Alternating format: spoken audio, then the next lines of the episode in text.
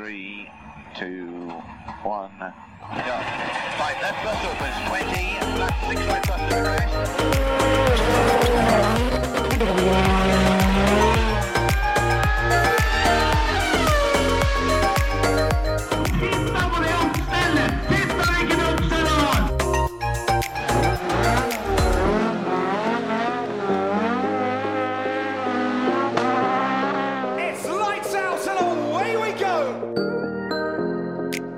Har vi en ny episode til dere. Dette her eh, er ei hel uke siden forrige gang, og da var det på tide.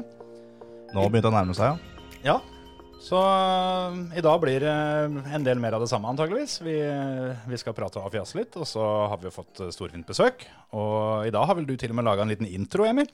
Ja, for uh, gjesten vår i dag, han kjørte nemlig for Petter Solberg Kart Team.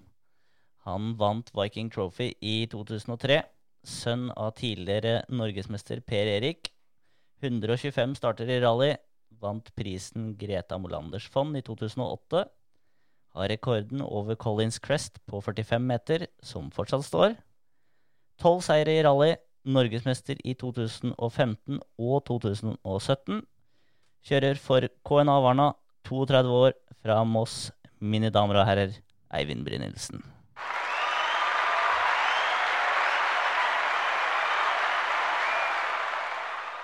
Det er første gjesten som får eh, applaus med en gang, Eivind. Ja, du verden hva Google eh, klarer å hoste fram, altså. Det var imponerende. Hyggelig. Da måtte vi inn på noen gamle forumer og sånt for å finne noen lister. Og. Ja, ja, ja. Det ja. fint, det. Fant eh, presentasjonsbildet ditt fra Petter Solberg Kart Team. Det, det var flott. Det fikk jeg på Snap her om dagen. En annen eh, som hadde funnet òg. Jeg, jeg og Fredrik Aasbø føler jeg vi er oppe og nikker på samme nivå, for å si det sånn. For han var ved siden av. Du har jo ikke forandra deg en eneste ting. Nei da, ikke i det hele tatt. Ikke mye forskjell. Både du og Petter, egentlig. Vi kan legge ut det bildet på, på Facebooken vår så, under episoden. Så Ja, det hadde vært se. snilt gjort sånn vi kunne fått lagt ut det. Det får vi til. Men kan vi ikke begynne der, da? Eh, Petter Solberg karting team. Kan ikke du fortelle litt om åssen det var?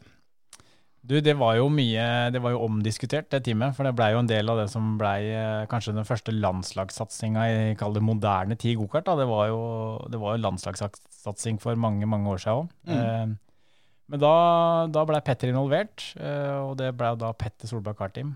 Eh, som, som hadde noen sånne shootouter og litt forskjellig. Nå begynner det å bli så mange år siden, jeg var såpass ung at jeg har ikke helt detaljene hvordan det funka, men vi ble i hvert fall et et gjeng da, som ble samla til å kjøre i forskjellige klasser. Og så hadde vi litt sånn forskjellige roller der inne i forhold til noen var litt eldre og skulle hjelpe dem yngre. Og noen av oss yngre skulle da få, få litt hjelp av dem eldre og prøve oss litt både inn- og utland og i nabolandet Sverige. Så det var absolutt en veldig lærerik og spennende tid.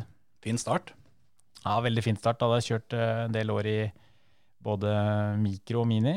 Jeg er jo naboen til Varna. eh, Type 300 meter luftlinje. Så jeg har kjørt utallig mange runder der. Mm. Så det var en veldig sånn flying start på karrieren. da. Det, det var ikke noe tvil om. Åssen var det å ha Petter med på det? da? Det er jo liksom ikke gokart og asfaltracing folk tenker på først med han, kanskje? Nei, nå var jeg en av dem få i det teamet som kjente Petter fra før, da, i og med at uh, fatter'n kjørte rally. Så, så da vi la den der, så er vi sikre på Ja, vi, nå ligger de der.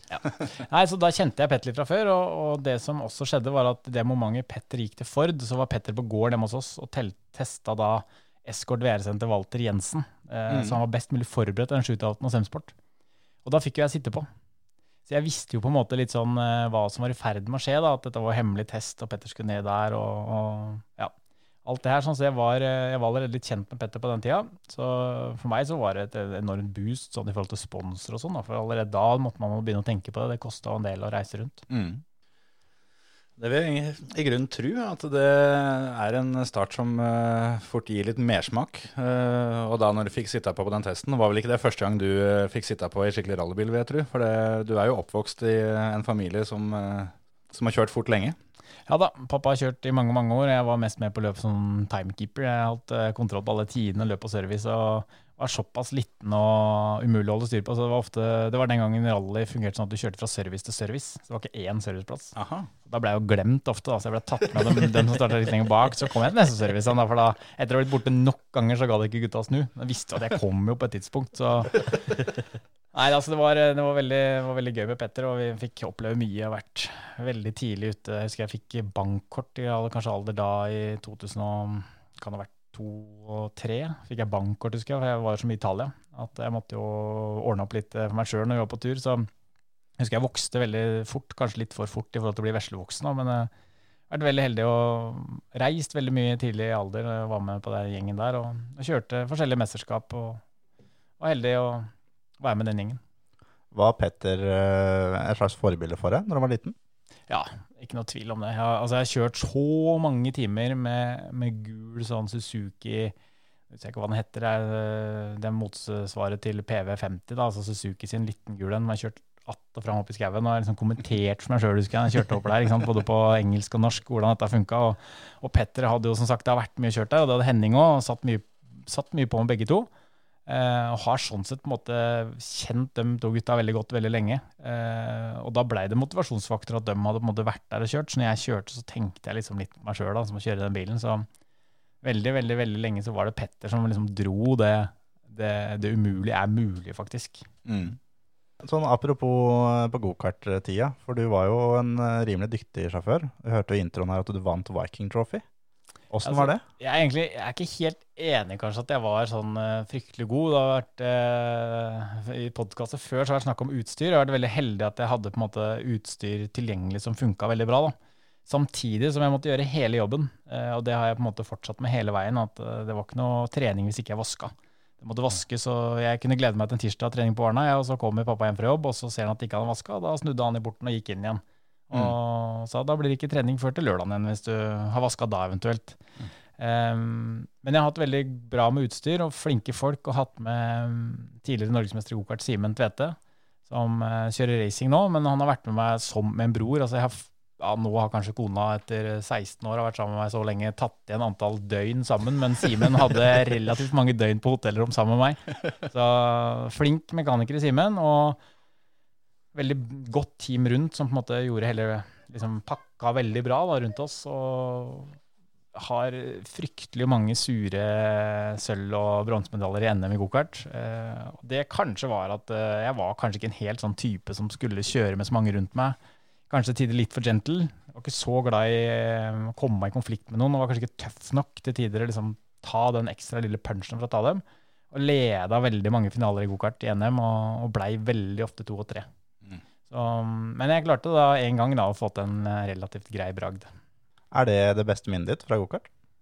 Ja, jeg har hatt eh, veldig mange gode minner i Italia òg, hvor eh, til sammenligning, da, for å fremheve andre her i rommet òg, som har gjort det veldig bra internasjonalt i gokart, så var den gangen da når vi kjørte italiensk mesterskapet, da hadde Stian Søle vært ute og kjørt litt, eh, også andre, og da var det liksom det å komme til finaler i italiensk mesterskapet, da, da var du god.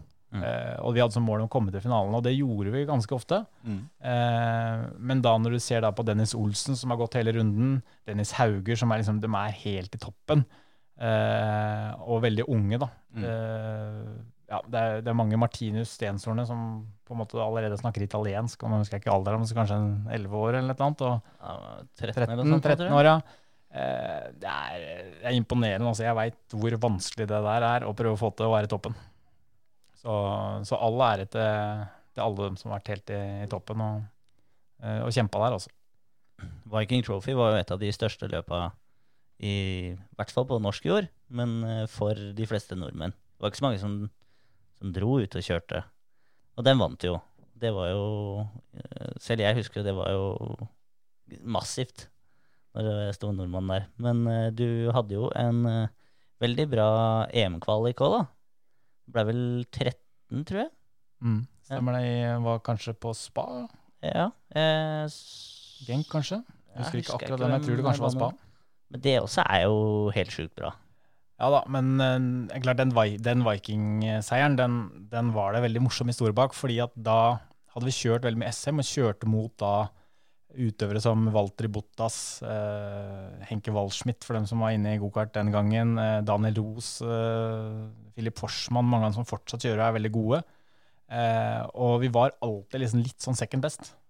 Og så kom vi til Rudskogen, og liksom hjemmebane, og da hadde vi vært og kjørt nordisk i, i Finland. og lå veldig godt an der og ble kjørt av i finalen. og Det var liksom, åh, det var liksom nå, må vi liksom få det til. På treninger og alt var desidert raskest. Og så er det to tids, uh, tidskjøringer, kval. Uh, og jeg går ut på det første kvalet og blir desidert sist. Altså, altså, det er ikke folk bak meg på resultatlista. Hvem er det som har snudd lista, tenkte du da? Ja, og, og jeg, jeg husker veldig godt da, at du er typisk sånn litt sånn Føler deg passe god. Og du har liksom gjort det såpass bra på kval, og du kjørte liksom til Italia og følte at liksom hadde litt greie på det. Var en av gutta, liksom. Ja, og, og blir så til de grader avkledd da, når det mest gjelder. Eh, jeg husker at jeg kommer opp i, opp i pit på Rudskogen der da, og bare har på hjelmen og, sier bare at det, det greiene her er jo bare ukjørbart. Altså, det, det ser jo det. Og Simen, da, som vi snakka om innledningsvis der, som har vært ved sida mi i rally, gokart og all tid, han bare sier at det er ingen som rører den gokarten her. Og han uttrykte det såpass ganske, ganske sterkt at vi unnlater med å si hva det er, men du kjører som ei gammal pip-pip-pip, sa han relativt høyt. Og det sier han før han ser seg rundt og ser Petter Solberg, Nils Hellum, hele NBF-klanet og NRK i samme teltet, intervjuer da Petter. Men vi rører ikke gokarten, og han forteller meg bare de tingene jeg trenger å høre, og går ut og setter banerekord på tikjøring nummer to. Deilig. Ja. Så det var relativt greit eh, å bare få en statement på det allerede, da, at det sitter relativt mye mellom det rattet og den, eh, den seteryggen. For det ble ikke rørt en skrue på den gokarten. Eh, og derfra var det veldig gøy. Da var det, det gikk såpass bra, og vi hadde overskudd hele tida og planla i prefinalen. Jeg slapp meg ned fra å ligge to, eh, og gikk jo ned til å gå etter litt mye clinch, så starta jeg vel, eh, husker feil, kanskje fem allerede i finalen, for jeg gikk ned for å unngå clinch. Visste at jeg hadde så mye overskudd at jeg hadde kapasitet til å hente man i starten. Og på Rudskogen så starter man jo motsatt av det man ellers ville gjort, i hvert fall Yes. den gangen. Så, så jeg husker at vi spilte litt på det, og kom godt ut, og den følelsen jeg liksom går ut på langsida der og bare banker ut til høyre og passerer Daniel Ros, som den gangen kjørte for Vard, for dem som er inne i gokart. Og var liksom top, top notch. Og gjorde det godt i EM. Og den, den følelsen av jeg bare Jeg ser meg ikke tilbake og ser liksom i Horndal Sving nummer to, Horndal er midt på eh, inn ved storsvingen, og ser da allerede at han er på vei inn, jeg er på vei ut. Og kjenner at det bare, dette, her, dette her tar jeg faktisk. Det er noen ganger sånn som når du kan kjøre forbi, og du veit at det er ikke noe vits i å se seg bak engang. For det, hvis han følger det tempoet her, så er det helt greit. Ja, og så visste jeg det at hvis jeg snur meg, så er det en såpass stor svakhet på at jeg allerede har tatt den og må snu meg og vise at jeg, jeg ser etter den. da. Yep.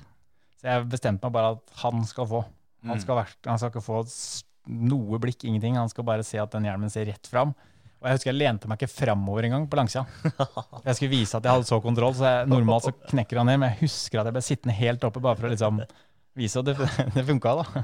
Altså Som kartsjåfør så er det verste når du blir forbikjørt. Du, han ser ikke på deg engang. Det er bare sånn Han gidder ikke å legge seg ned, og du ligger og nistirrer ned rattet for å få hver Du minste drar nesten rattet til deg for å få det til, så Nei, fy faen. Det er jævlig. Det har blitt knust noen laptimer her opp igjennom med akkurat det å legge seg ned på sletta. Ja. Gjorde det i Göteborg, faktisk.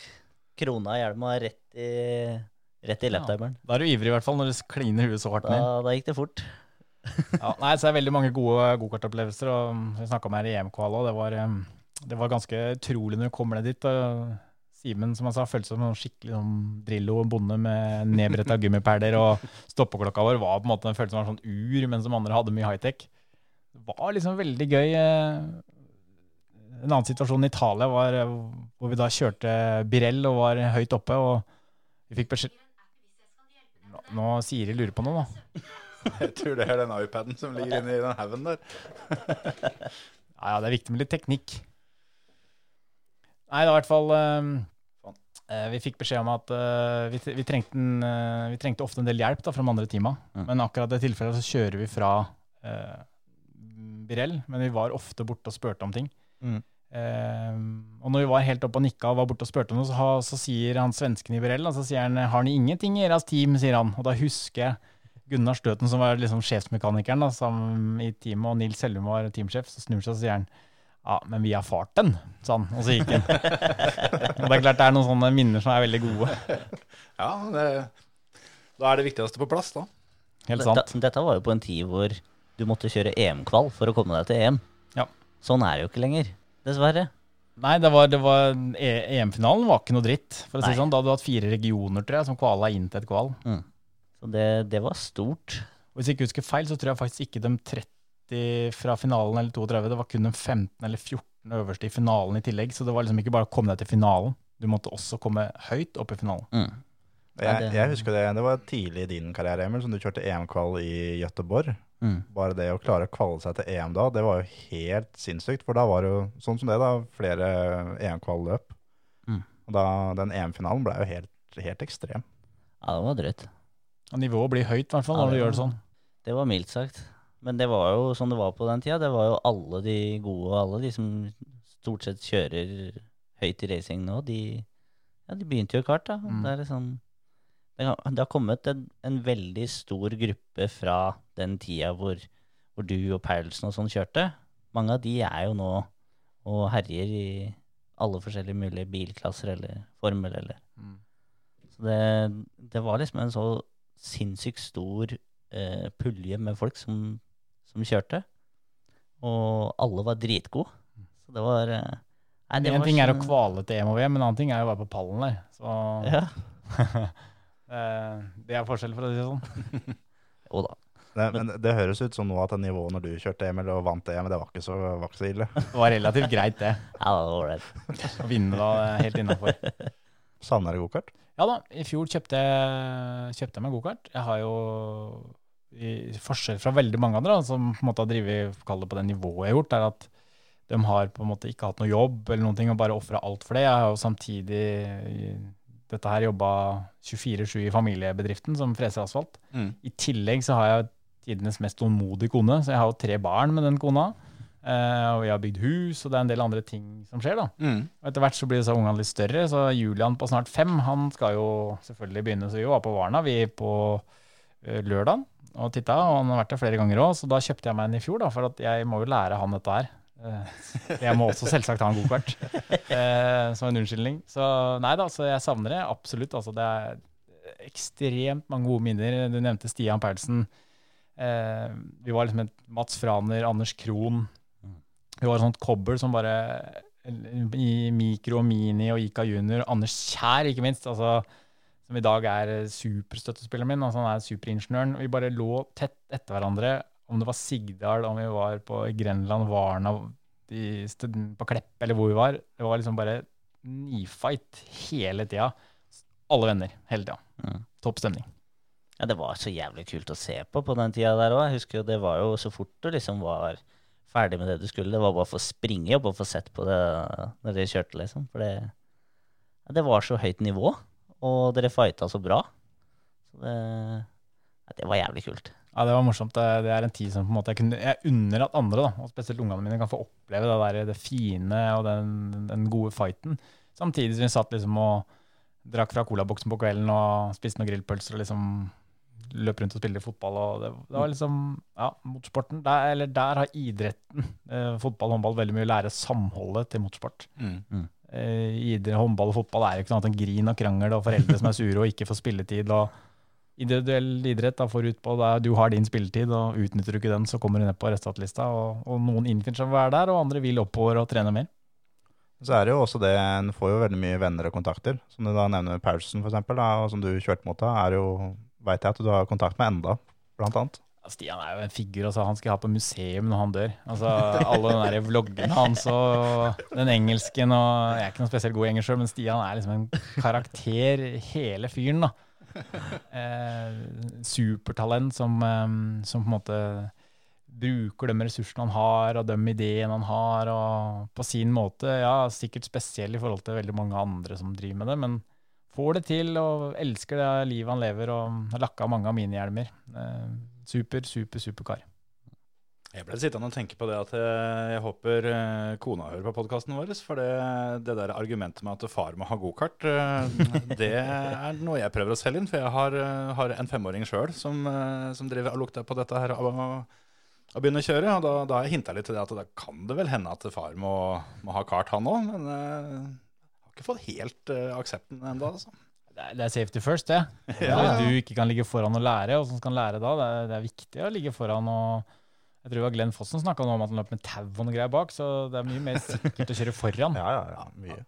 Den, eh, den kroppen min er ikke, er ikke bygd for å springe bak med tau, det kan jeg bare si. Så da, da, da blir det gokart. Da blir det gokart. Ja, ja. Helt konge. Tenk deg dere to kommer til å fighte da opp gjennom årene. Vi har unger som er like gamle. Og, ja, ja. ja. Helt konge, det. Jeg dreve om å skrive feil nummer på drevet? Det, det skal jo sies da, at det var jo mye Og her kom jo Mr. Paulsen inn bare på et bananskall, ikke sant? for det var ingen andre som gikk fram på, på, på startplata og bare helte opp en liten flaske Stofludium på, liksom. Det var rein bensin. Man helte jo på den bare for at alle andre skulle liksom Hva er det han driver med bortpå der nå? Eller liksom skrev et feil drevnummer, eller så. Han hadde jo Antyna jo alltid alt og var superflink. Jeg hadde jo veldig mye morsomt med sånne små Reodor Felgen eller Blodstrup-Montrix. Ja, det der, der er, jo, er jo litt av sjarmen, da. Du må jo må ha litt mind games. Ja, ja, ja.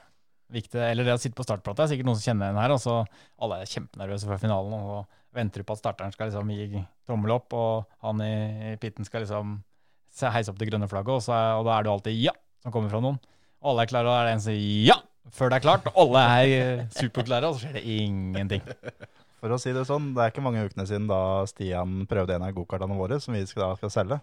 Og da hadde han ikke kjørt på 14 år, noe rundt der. Ja. Og satte seg ned på griden, da, satt bakerst, og skreik ja, selvfølgelig. Ja, ikke sant? Så det, Det sitter i. ja, det er sånn det funker. Bakkerud også var der. Ja. Det, han gjorde akkurat det samme. Ja, ja. Det verste, verste med det var jo da i gamle dager når det var å dytte igjen kartene. De som da faktisk begynte å dytte, når ikke det var grønt. Det var det verste. Og alle sto rolig. Men uh, det høres ut som at gokart uh, både var veldig moro og, og gikk veldig bra. Uh, hva var årsaken til at du, at du ikke fortsatte i den løypa, men at du hoppa over til rally? Det var flere grunner til det. Det ene er at nåløyet til å komme til Formel 1 er sånn latterlig lite. Altså det, er, liksom det For det første skal det, hvis du skal komme dit da, og gjøre som enkelte har gjort i dag, så må man kjøpe seg, kjøpe seg ganske langt på vei. Eh, og det er, det er liksom sånn uhorvelige mengder eh, at jeg er veldig optimist, jeg, altså. Og jeg pleier å si summene jeg trenger veldig fort, for da høres det ikke så mye ut. Jeg har lært av Henning. Men, men det er liksom Formel 1 er jo så sjukt. Det går jo ikke an. at det kommer fra han. Nei, Henning har veldig mye triks når det gjelder sånn.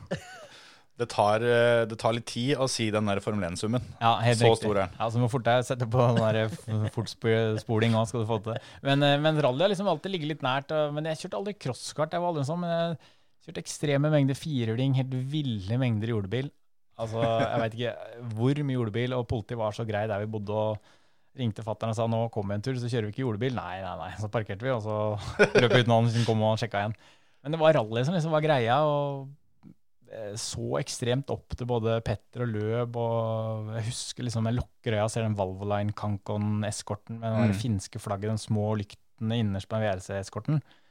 Og spilte PlayStation. Var, liksom, det var rally som var um, Mm. Ja, det var det jeg ville. Ja, men du fikk jo til det eh, sånn tålelig greit og etter hvert. Jeg har vært utrolig heldig å få kjørt så mye. og Jeg har hatt det så mye gøy. Det er liksom evig takknemlig. Jeg tenker nesten på det hver dag, at jeg er så heldig som har fått kjørt så mye bil som jeg har gjort. Og truffet så mye hyggelige folk og fått så mye fine muligheter. Så nei, det, det har vært en eh, Det er noe jeg aldri ville vært foruten. Apropos løp, så tenkte jeg på en ting som jeg, som jeg la merke til. når Jeg kikka gjennom, eh, gjennom litt eh, tidligere resultater eh, før det kom. For det i, i Rally Norway i 2007 så kom det jo på plassen foran løp totalt. Jeg, Ja, jeg er veldig klar over. Ja, det vil jeg tro. Nei, Løb kjørte jo av det løpet der, eh, og det var vel noe kluss. Eh, så jeg husker at det var liksom søndagens mål, var å holde løp bak. Ja. Eh, samtidig som jeg også jaga veldig på Patrick Sandell den Mm. gangen som kom en helt ny Skoda Super 2000.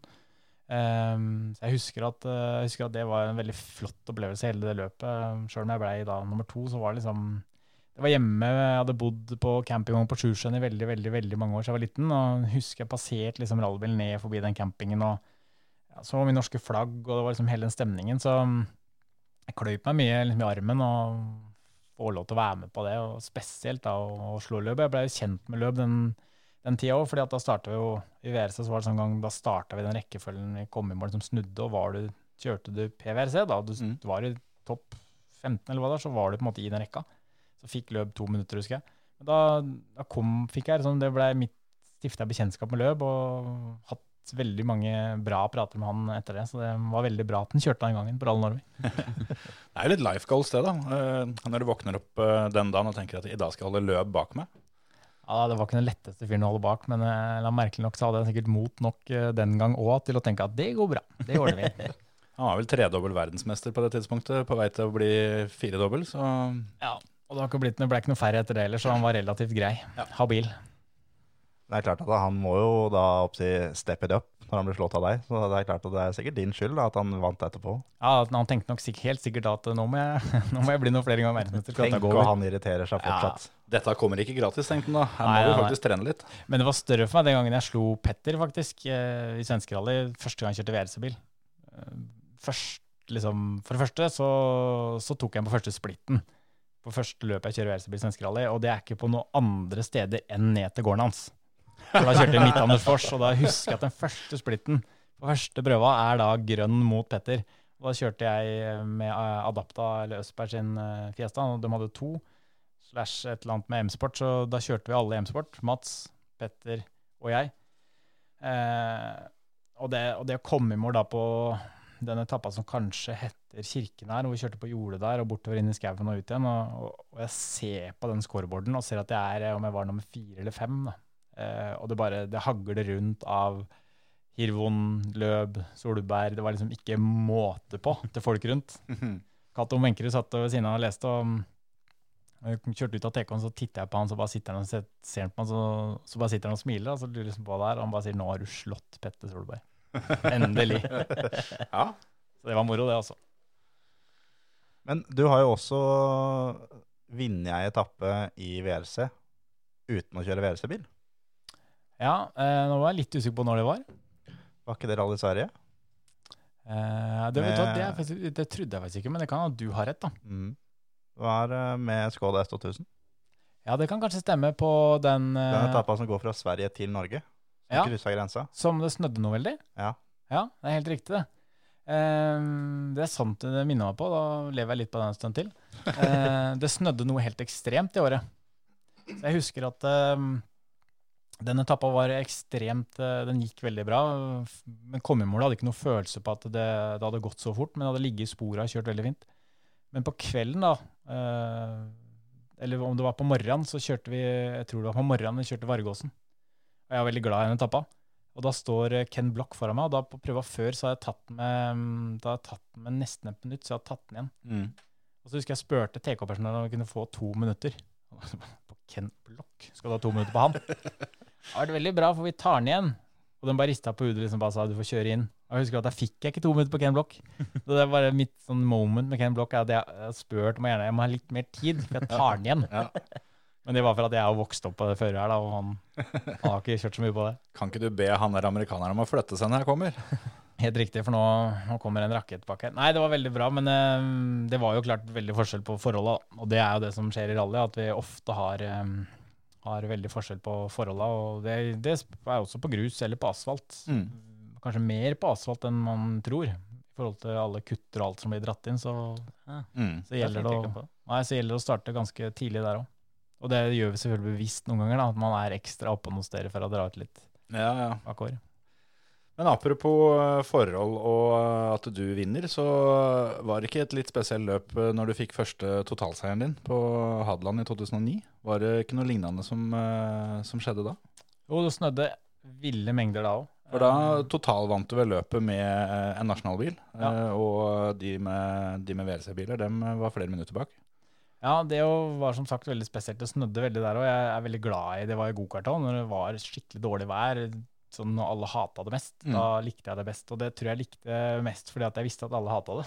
Ja, ikke sant? Da må, du, du, da må du jobbe litt for det. Ja, og så følte jeg liksom at det kan være min fordel at de andre syns at nå er det vanskelig. Så jeg tenkte at det er det jo ikke. Det er jo bare litt glattere.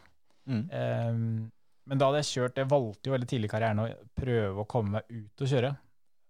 Og jeg er jo født på et tidspunkt så når du skal ut og kjøre, og motstanderne da er eh, type Juha Kankan eh, ikke Juha Kankan, men eh, Johanninen. Mm. Eh, Andreas Eigner, som var i Red Bull den gangen.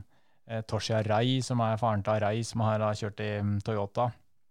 Hadde veldig mange gode rundt, da. Eh, Patrick Sandell, eh, som jeg skulle matche meg mot.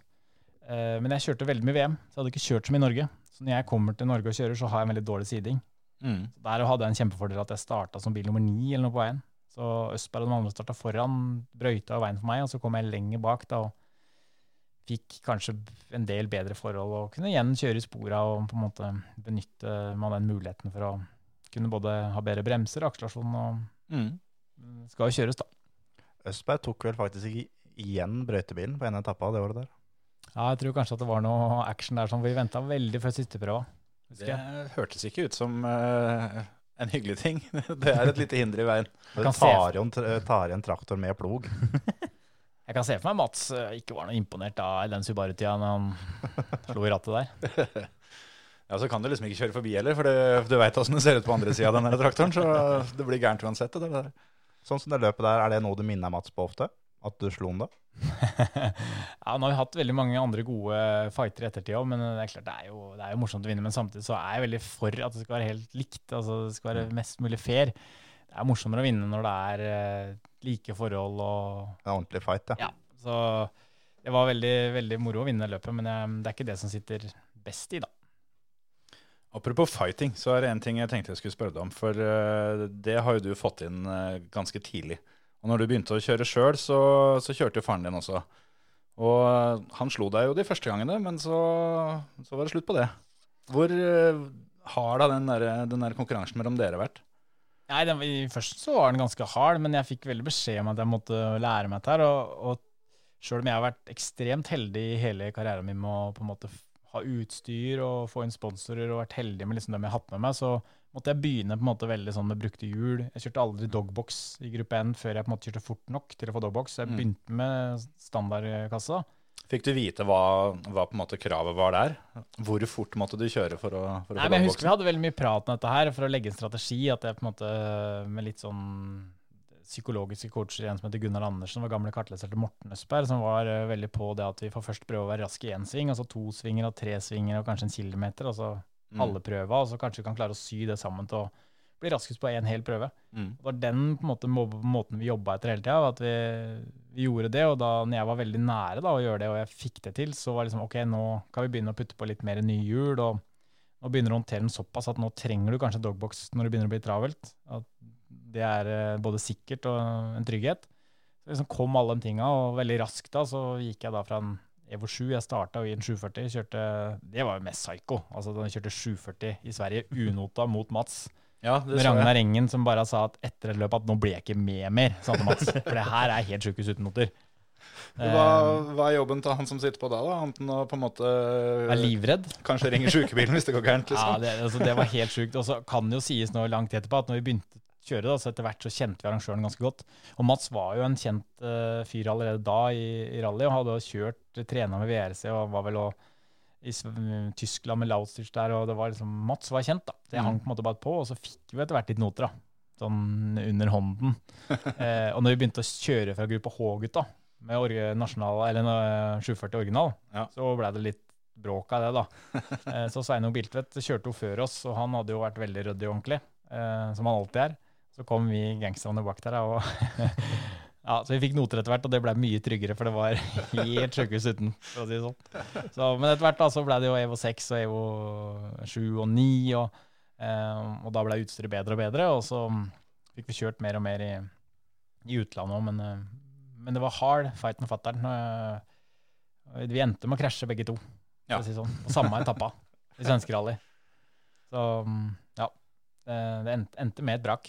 Mener å huske en historie om at han eh, dro av etter Collins Quest fordi han eh, hadde glemt eh, å, føre ned en note eller noe sånt. nå, Kan det stemme? At han eh, holdt dønn flatt på femtegiret i en toersving? Ja, det er ikke så langt unna. Det er ikke på Vargåsen, men det er, eh, hvis dere husker svingen Andreas Mikkelsen snurra i når han kjempa med Osier om seieren i svenskerally, Ja. så ut av den svingen så blir det nærme oss mål. Og Da er det egentlig bare et, eh, et krøn, og så er det en litt lei høyresving, som også Henning rulla inn, og han fylte hele kupeen med snø. Den høyresvingen rulla han i samme året da, som Henning rulla. Eh, hvorvidt han hadde glemt, eller han ikke hørte etter, eller om han skulle bare kjøre fra meg, det vet jeg ikke. Men han rulla i hvert fall nede i det samme hølet som Henning, da, like etter der hvor Andreas snurra i seinere tid. Så, og jeg krasja før, da. Men jeg starta bak han, så jeg krasja en kilometer før på samme prøva. Så mm, ja, noen smeller har det blitt opp ennå. Det vil jeg tro. Men eh, en annen ting òg som eh, du må, du må hjelpe oss litt med. For det, det er jo en hel haug av dere som heter Brynildsen.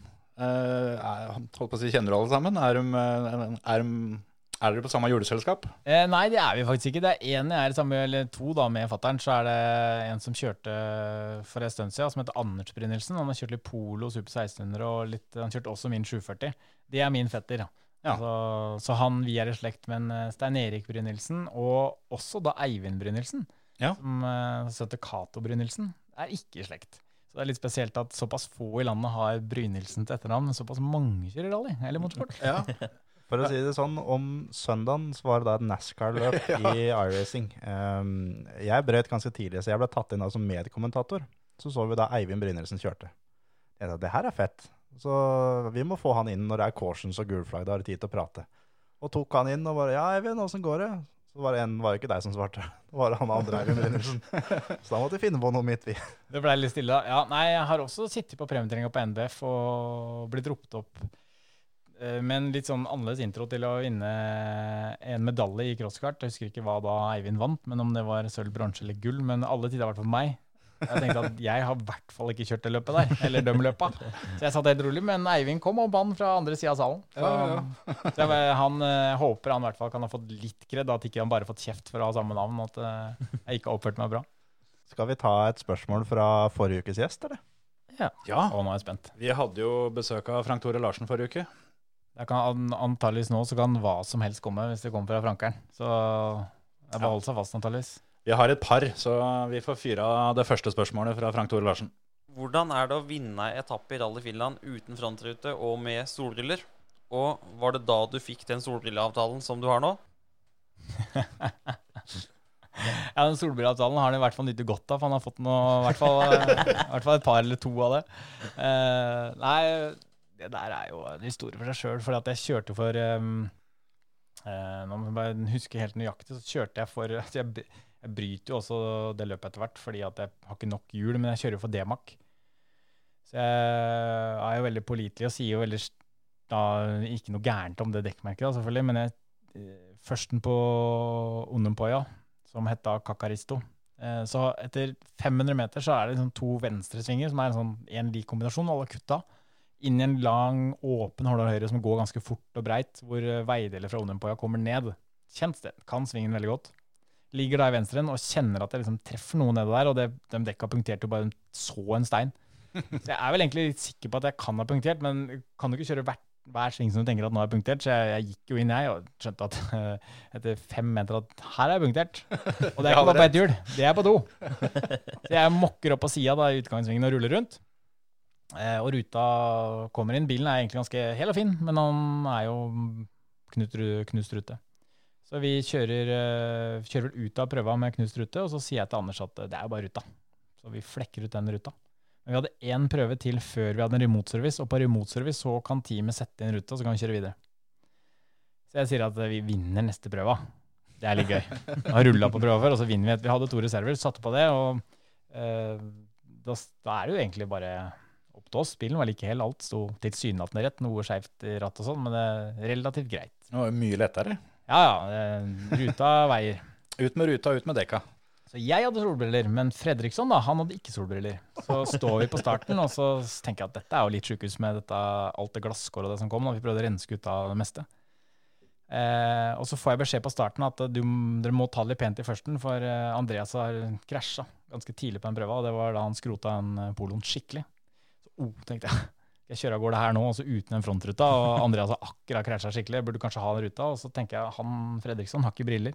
Så ser jeg han starteren står med sånne litt sånn kule oransje briller. Jeg så vinker på han og sier han må ha brillene dine. Så bare, ja, ja, han fikk briller.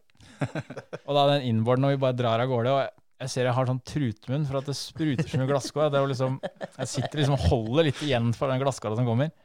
Jeg bestemmer at denne etappa skal vinnes, og det var jo Tanak og sånn da, jeg kjørte mot. Så det var ikke noe, det var, det var ikke noe lett match. Og kommer ned i mål der og bare ser at jeg, bare, det er- jeg har slått dem faktisk. Tannak er bak, og det uten frontrute. Det var en liten seier i seg sjøl, så da var jeg glad resten av dagen. da. løp gikk dårlig, men det var ja, hyggelig. Så nei, solbrilleavtalen var allerede i boks, for å konkludere med det. Åssen eh, ble sandblåsing av tenna, holdt jeg på å si? Gikk det sånn tålelig bra? Det gikk relativt greit, eh, men det spruta mye glasskår. Det satt liksom glasskår eh, stort sett overalt. Og jeg har innborden fortsatt, fordi at jeg, jeg har ikke hatt sjans til å gjøre det jeg gjør hvis ikke jeg hadde hatt så mye sponsor med meg. Så til enhver tid må jeg tenke på det. Eh, fordi at jeg, jeg har ikke sjans til å få til å gjøre det uten så mange bra sponsorer. Mm. Så jeg snudde jo selvfølgelig kamera og alt på meg for å få mest mulig. Så det er mye du skal tenke på samtidig. Det er ikke bare å gi gass. Jeg måtte jo legge til rette for at dette skal bli nok views på Facebook. ikke sant? Jeg må tenke på mye, så jeg fikk til alt det. Så jeg har en veldig kul inboard hvor du ser liksom både bakfra og på, liksom på fjesa våre. da. Så det ble mye glasskår. Denne episoden er sponset av Kulbeth.com. Kulbeth er stolt sponsor av Eivind Brynildsen og kåret til Norges beste bookmaker to år på rad av spillavisen Tips. Ja, apropos sponsorer, så har jo vi nå en felles sponsor for denne episoden. For det Kulbeth har jo, har jo sponsa deg eh, i noen år nå. Og nå, nå også føremøte. Ja, det er veldig hyggelig. Sporty gjort. Ja. Der eh, eh, har jeg snakka litt med, med Mikael Melkvist, eh, som du kjenner godt. For han har vel, eh, han har vel følt deg fra tida før Kulbeth ble starta, gjennom Betsafe annet. Ja, Mikael har på en måte vært eh, en god samarbeidspartner. Jeg har prøvd å være så lojal og god tilbake som overhodet mulig. Så Mikael har kjent i lang tid. og han har også snakka litt om fotball i stad. Du er jo, kom jo ikke unna som ungdom og spilte i fotball, så jeg spilte også fotball. Og Mikael var en spillende trener når jeg spilte. Har fått mye kjeft av Mikael òg, så jeg er udugelig i fotball. Det er det ene spørsmålet hans eh, til deg. Er du god i fotball? Nei, det kan jeg si med en gang at jeg ikke er. Så det, det, han har ergra seg nok over det. Jeg husker at eh, vi spilte en hjemmekamp, og vi hadde selvfølgelig med meg i spissen mot oppe på å klare å rykke opp fra 7. divisjon. og eh, jeg, kom, jeg husker jeg kommer alene med, med keeper og blir så griseløpt opp av han derre psykosvære eh, forsvarsspilleren til dette motstanderlaget som kanskje var Spydberg eller noe. Kanskje var Stian Sørli som var med den gangen. Bare Da, da tror jeg ikke du ble løpt opp hvis det var Nei, det var kanskje sant, da. Men jeg ble i hvert fall grisetakla, og Mikael bare ropte sikkert i ti sekunder 'skyt, skyt, skyt'. Men jeg hadde nok med å holde meg på beina bortover der. Så jeg fant tidlig ut at eh, fotball er liksom eh, ja, Nei, det, det hadde vært motor på den ballen, så kanskje vi kunne snakka en stund, men eh, jeg er ikke god i fotball. Men eh, han eh, fortalte samtidig en annen historie, så eh, er du kanskje bedre til å danse på Ferrari-tak eh, enn du er til å spille fotball? Ja. Jeg kjenner jo nå at jeg begynner å bli gammel, for jeg har fryktelig mye røverhistorier. For det, det var vel også noe, noe Mikael ordna, at du var med på Gumball 3000. eh, Ja, noe jeg for øvrig var veldig skeptisk å være med på, da. Eh, fordi at det har jeg liksom hørt at det er sex, drugs and rock and roll, og da tenker jeg gutta mister lappen, og ikke sant. Det er gærne russere som er helt ville. mm. Jeg var veldig skeptisk til det, og så mm, tenkte jeg liksom at eh, kanskje jeg kan bruke min rolle til å i hvert fall vise at det går an å gøy på gumball og ikke miste lappen og kjøre relativt uh, i ryddige former. da. Mm. Og da sa jeg ja til det til slutt, da, mm, for å være med på det. Og så fikk jeg en relativt grei bil å kjøre. Eh, Fikk Ja. en relativt grei teamkamerat i Dolph Lundgren. eh, som er Rocky-motstanderen. Han eh, jeg husker ikke hva han heter i den Rocky-filmen, men han er i hvert fall Draco eller et eller annet sånt. noe, Det kan stemme, Han- ja, helt riktig. Spiller en svær russer eller noe sånt nå. Så har jeg spilt mye PlayStation opp på den tida, så Tony Hawk plutselig ruller opp på sida og skal være en del av dette her teamet. Og, og plutselig like før vi skal dra, så får jeg beskjed om at det er Triana Iglesias som skal være kartleseren her. Så plutselig blir jeg omringa av relativt uh, celebre mennesker. Så jeg får bare være med da, og ha, se om dette kan være noe å bjude på. Uh, jeg vil si at jeg og Triana har bjuda på eh, greit med show den, den uka, for å si det sånn. Men hva skjedde med dette Ferrari-taket? Hva, hva var greia der? Nei, jeg blei jo da etter hvert kjent for å spole piruetter, for det, det kan sies til alle som er med der, de har ikke greie på å kjøre bil. De har kjøpt seg en bil til 4,5 million. Eh, og så type sånn som, for dem som kjenner Henry Herfelt fra gokart, eh, som var på Brum sin sak her om dagen, som har kjøpt seg da McLaren til 4,3 millioner. Yes. Han har kjørt litt gokart sammen med. Sånne biler kjører disse gutta. Ja, Og de har ofte flere førerkort med seg, for de kan miste førerkorta. Så første stopp er da uh, Königsegg-fabrikken. Ja. Så tenker jeg at uh, Bård Eker jeg skal nok få spola en piruett med den Ferrarien utafor Königsegg-fabrikken. For den firehjulstrekkeren er ikke så lett å spole piruetter med. Så det begynte med at jeg spola piruetter med en Ferrari utafor hovedinngangen til Königsegg. Med helikopter over, og vi hadde masse greier rundt det. Så ble det liksom et lite varemerke da når vi reiste rundt fra Stockholm til Oslo, eh, København. Eh, og vi kom nedover i, i Danmark og inn til Tyskland, og det var politieskorter og masse greier. Og så kom vi til Amsterdam og kommer til Ajax sin hjemmestadion. Og der er det masse greier for å komme inn. Kjempesvært stadion, så vi kjører veldig mye sånn opp og rundt og noe, ja, for å komme inn på stadion. Og det siste jeg får beskjed om, da, for de har jo hørt at jeg driver med dette, er bare hva du enn gjør her inne, spoler vi ikke piruetter. For dette er et sånt fint belegg, og det legger du ut til konserter.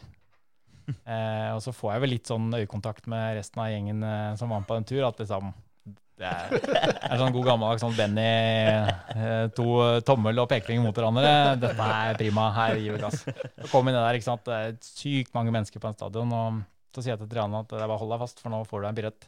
Får du deg piruett, eh, og går da halvveis ut i døra. Det er noe YouTube-klipp på dette her, og står og piruetter, eh, tar piruetter i døra, og så ender det da med at jeg hopper opp på taket og Triana etter. altså hvis du legger merke til, for dem som har sett filmen, så står jeg på siden, sånn som man skal gjøre på tak. Mens Triana veit jo ikke noe om dette og hva det er en bil, og at det der kevlartaket det bare er klakk, klakk, klakk.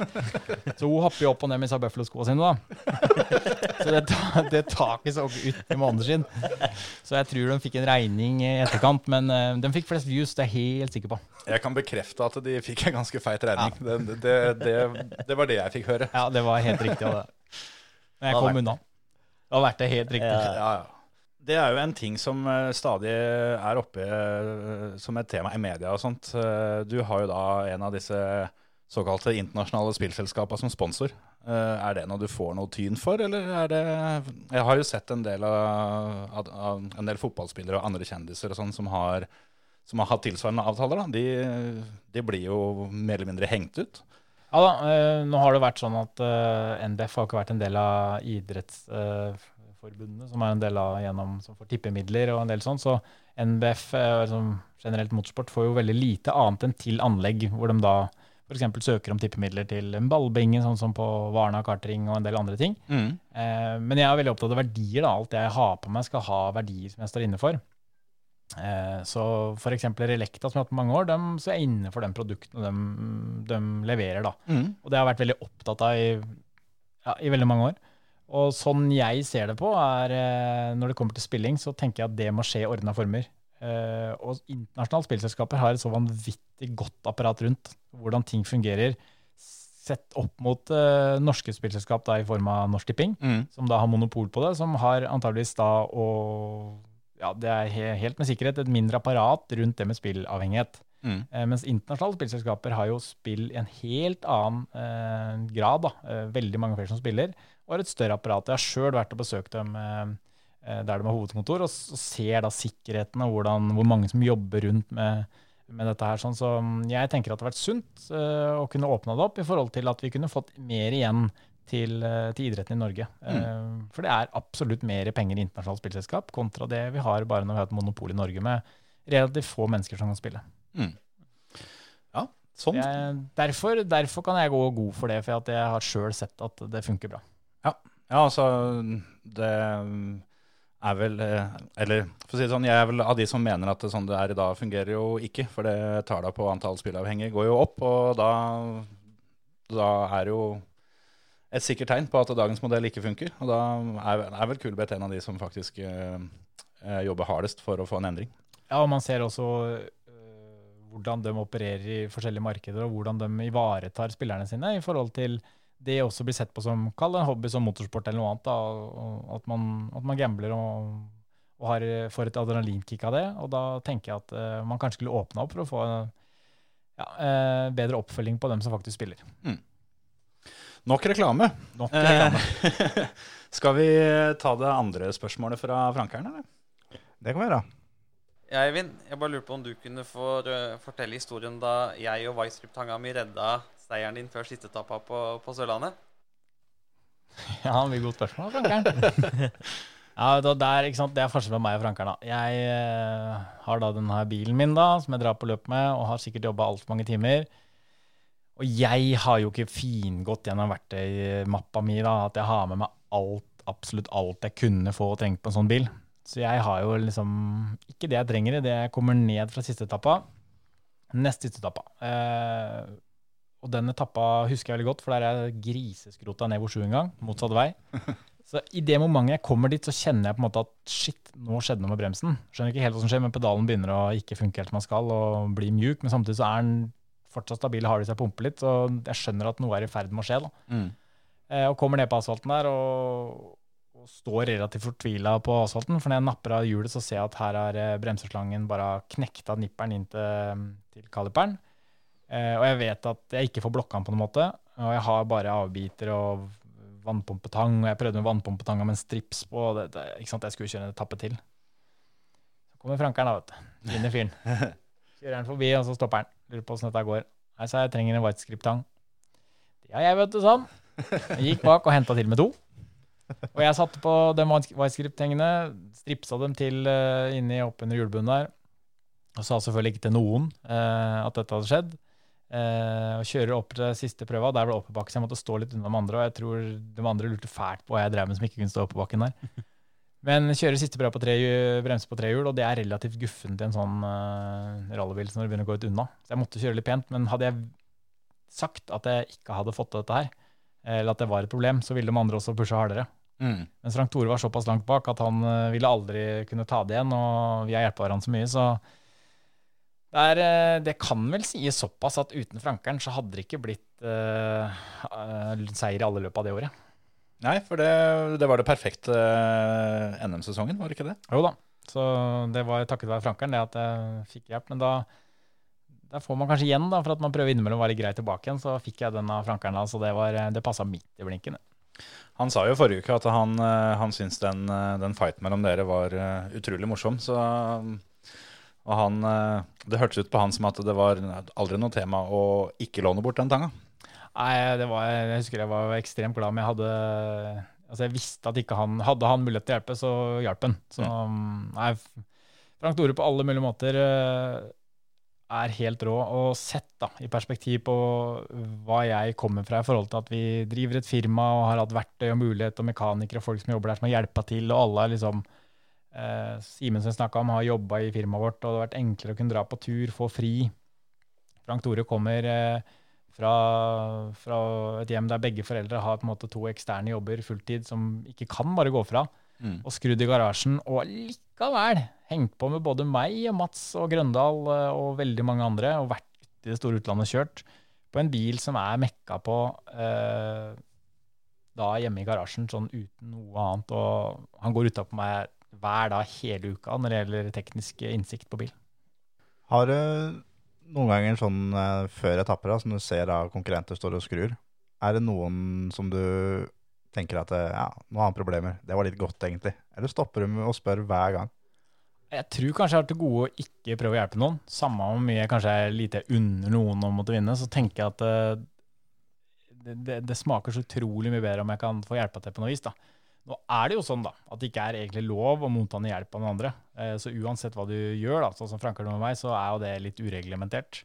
Jeg tenkte Eh, på det, for det hvis det med den OS-kryptanga hadde, hadde blitt kjent der og da, så kunne du vel fått litt trøbbel? Ja, så håper jeg ikke Grøndal hører på dette nå, for nå kommer det en protest antagelig, så mister jeg den seieren. Men, eh, men det var jo da Anders eh, jeg fighta mot, og det, Grøndal, og det kan, det skal, du skal ikke få hjelp av noen. Du skal ikke, får ikke engang stoppe og kjøpe is på vei til mål hvis du har, lyst på en is eller i løpet av dagen eller en brus eller noe annet. Du skal liksom klare deg med det du har.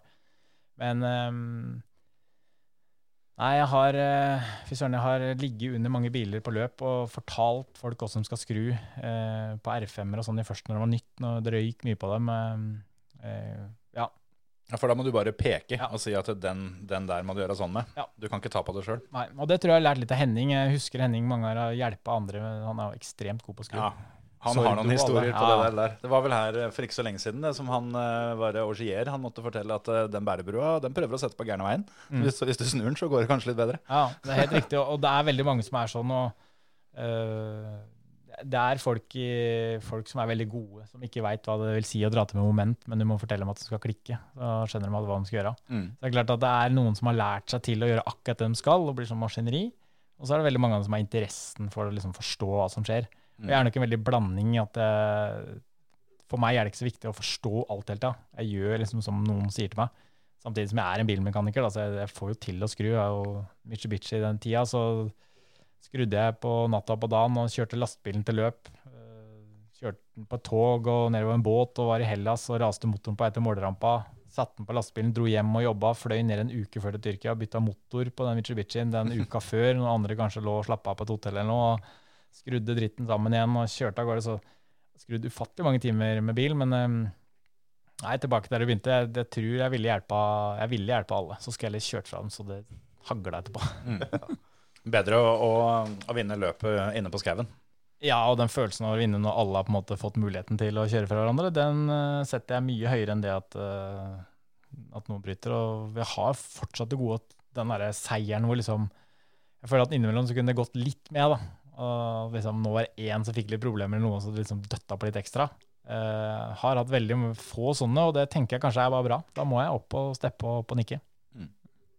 Vi har jo kjørt uh, dirt-konkurranse. Som alle andre gjester så måtte jo du i stolen nå. Og da er det en etappe som du har kjørt på ekte. Så at du fikk to treningsrunder, det var jo egentlig litt gærent.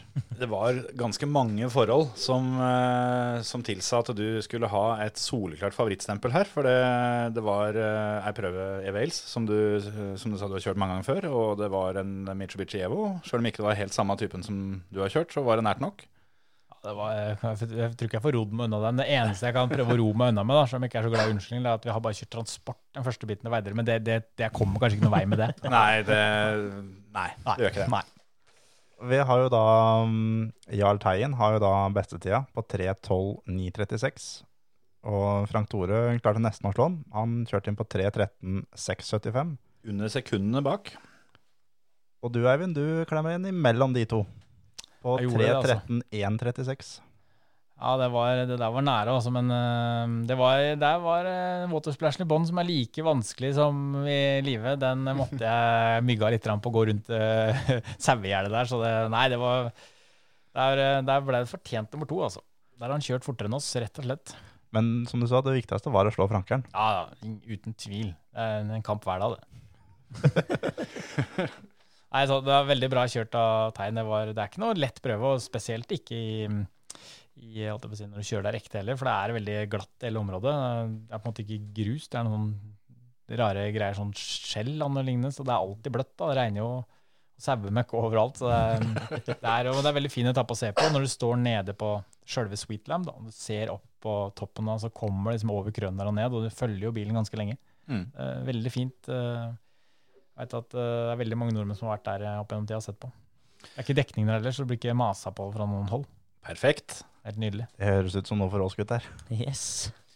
Det er vel der de eh, står og kikker på i eh, siste episoden av Team Solberg på TV-en. Så er det vel oppå der de står. Det er det. Og apropos Team Solberg, så der er det jo en franskmann som er med litt, som blir henta inn som, eh, som nødkartleser. Han kjenner du godt. Denis kjenner jeg veldig godt. Vet du. Han er en stjerne i seg sjøl. Det er eh, Det er ingen tvil om. Han er ekstremt god. Altså, fyren er jo snart 150 år. Ja, for han har jo vært kartleser for var det Oriol han er mest kjent for å sitte på med? Ja, og han har kanskje det sureste rallyøyeblikket ever. Fordi han sitter jo på Oriol i veldig mange år. Og det ene året han skal gjøre noe annet, så han får ikke sitte på med Oriol, da blir Oriol verdensmester. Så sitter han på med Oriol 1, og da blir Oriol 2 og 2 og 3. Så ett år Oriol ble vant, og da var ikke Denis med. Men eh, nei, vet du, han er ekstremt god, vanvittig dedikert. um, og har vært med så mange forskjellige. Eh, og han er det ingen tvil om at han hjalp meg et godt stykke på vei, sjøl om hele historien til det når Denis ble med meg, da, er litt vond. Fordi at vi hadde allerede da tidlig bestemt at vi skulle prøve å få med noen unge. Eh, sammen med, og da var det Veronica en gang som ble med, som har sittet på med Bernt Kollevold. Mm. Veronica for øvrig, som er topp på alle mulige måter. En av verdens beste kartlesere. Ekstremt godt toneleie og veldig bra timing. Alltid ryddig i sysakene. Det er ikke noe tull med Veronica. Så fikk vi da en del eh, bekjentskaper av mennesker rundt oss som skulle begynne å hjelpe til, og vi hadde etter hvert begynt å kjøre sånn helt ålreit fort, så noen mente kanskje at eh, man burde ha med seg en som var eh, mer rutinert, da. Så ikke man skulle bli på en måte holdt igjen av noe slag. Eh, og det blei til det litt vonde byttet at Veronica hadde på en måte da vært med, og vi hadde gjort det veldig bra sammen, det var veldig gøy, til å da få med en veldig gammel fyr, da, men Mm. som hadde mye rutine.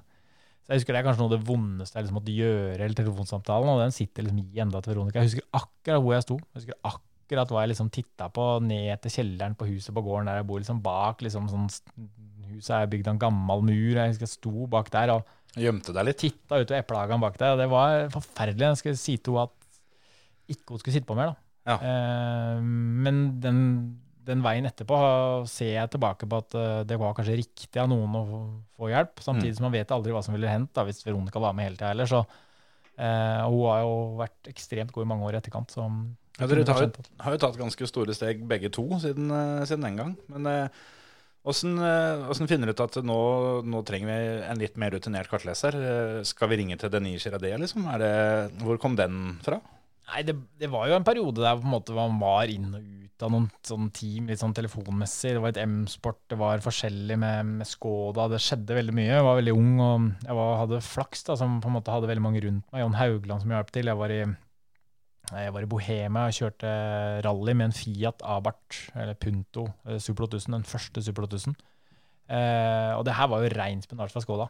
Det betalte alt for meg. Tok med bilen og skulle ta på reklame i hermetegn da på kvelden og bare rønka den bilen fullstendig på Skoda Motorsport. Tok bilde av alt som var. Eh, og det her visste jo ikke det jeg var med på. Jeg trodde at jeg var heldig, at jeg fikk være med å kjøre. Men jeg visste at Skoda betalte for meg. Eh, og da, det var på en måte begynnelsen til Skoda Super 2000. Da. Eh, så da var det veldig mange mennesker rundt som mente at her må, blant annet når vi skulle til Bohemia, da, en, en rutinert mann inn. Mm. Eller en dame. Um, og da ble det ni med, da, og jeg hadde ikke, kjente ikke han fra før. Så um, det var på en måte starten på det. Og da ble jeg kjent med veldig, ikke sant? Malcolm, Denis kjente Malcolm godt og ble introdusert der. og Vi gjør det veldig bra i noe løp i England og Pirelli Rally. og ja, Så, så ble jeg kjent med veldig mange mennesker, og det setter jeg pris på i ettertid. Fin døråpner å ha med seg, det. Ja, veldig. Åssen er de transportetappene med en som kunne vært faren din? Er det like fett som eh, en på samme alderen? Nei, han, ikke sant? han hadde jo levd livet, og jeg fikk jo noen historier som jeg tenkte bare det her er jo ikke sant. altså Det går ikke an. Jeg er fra Svindal, i Våler i Østfold.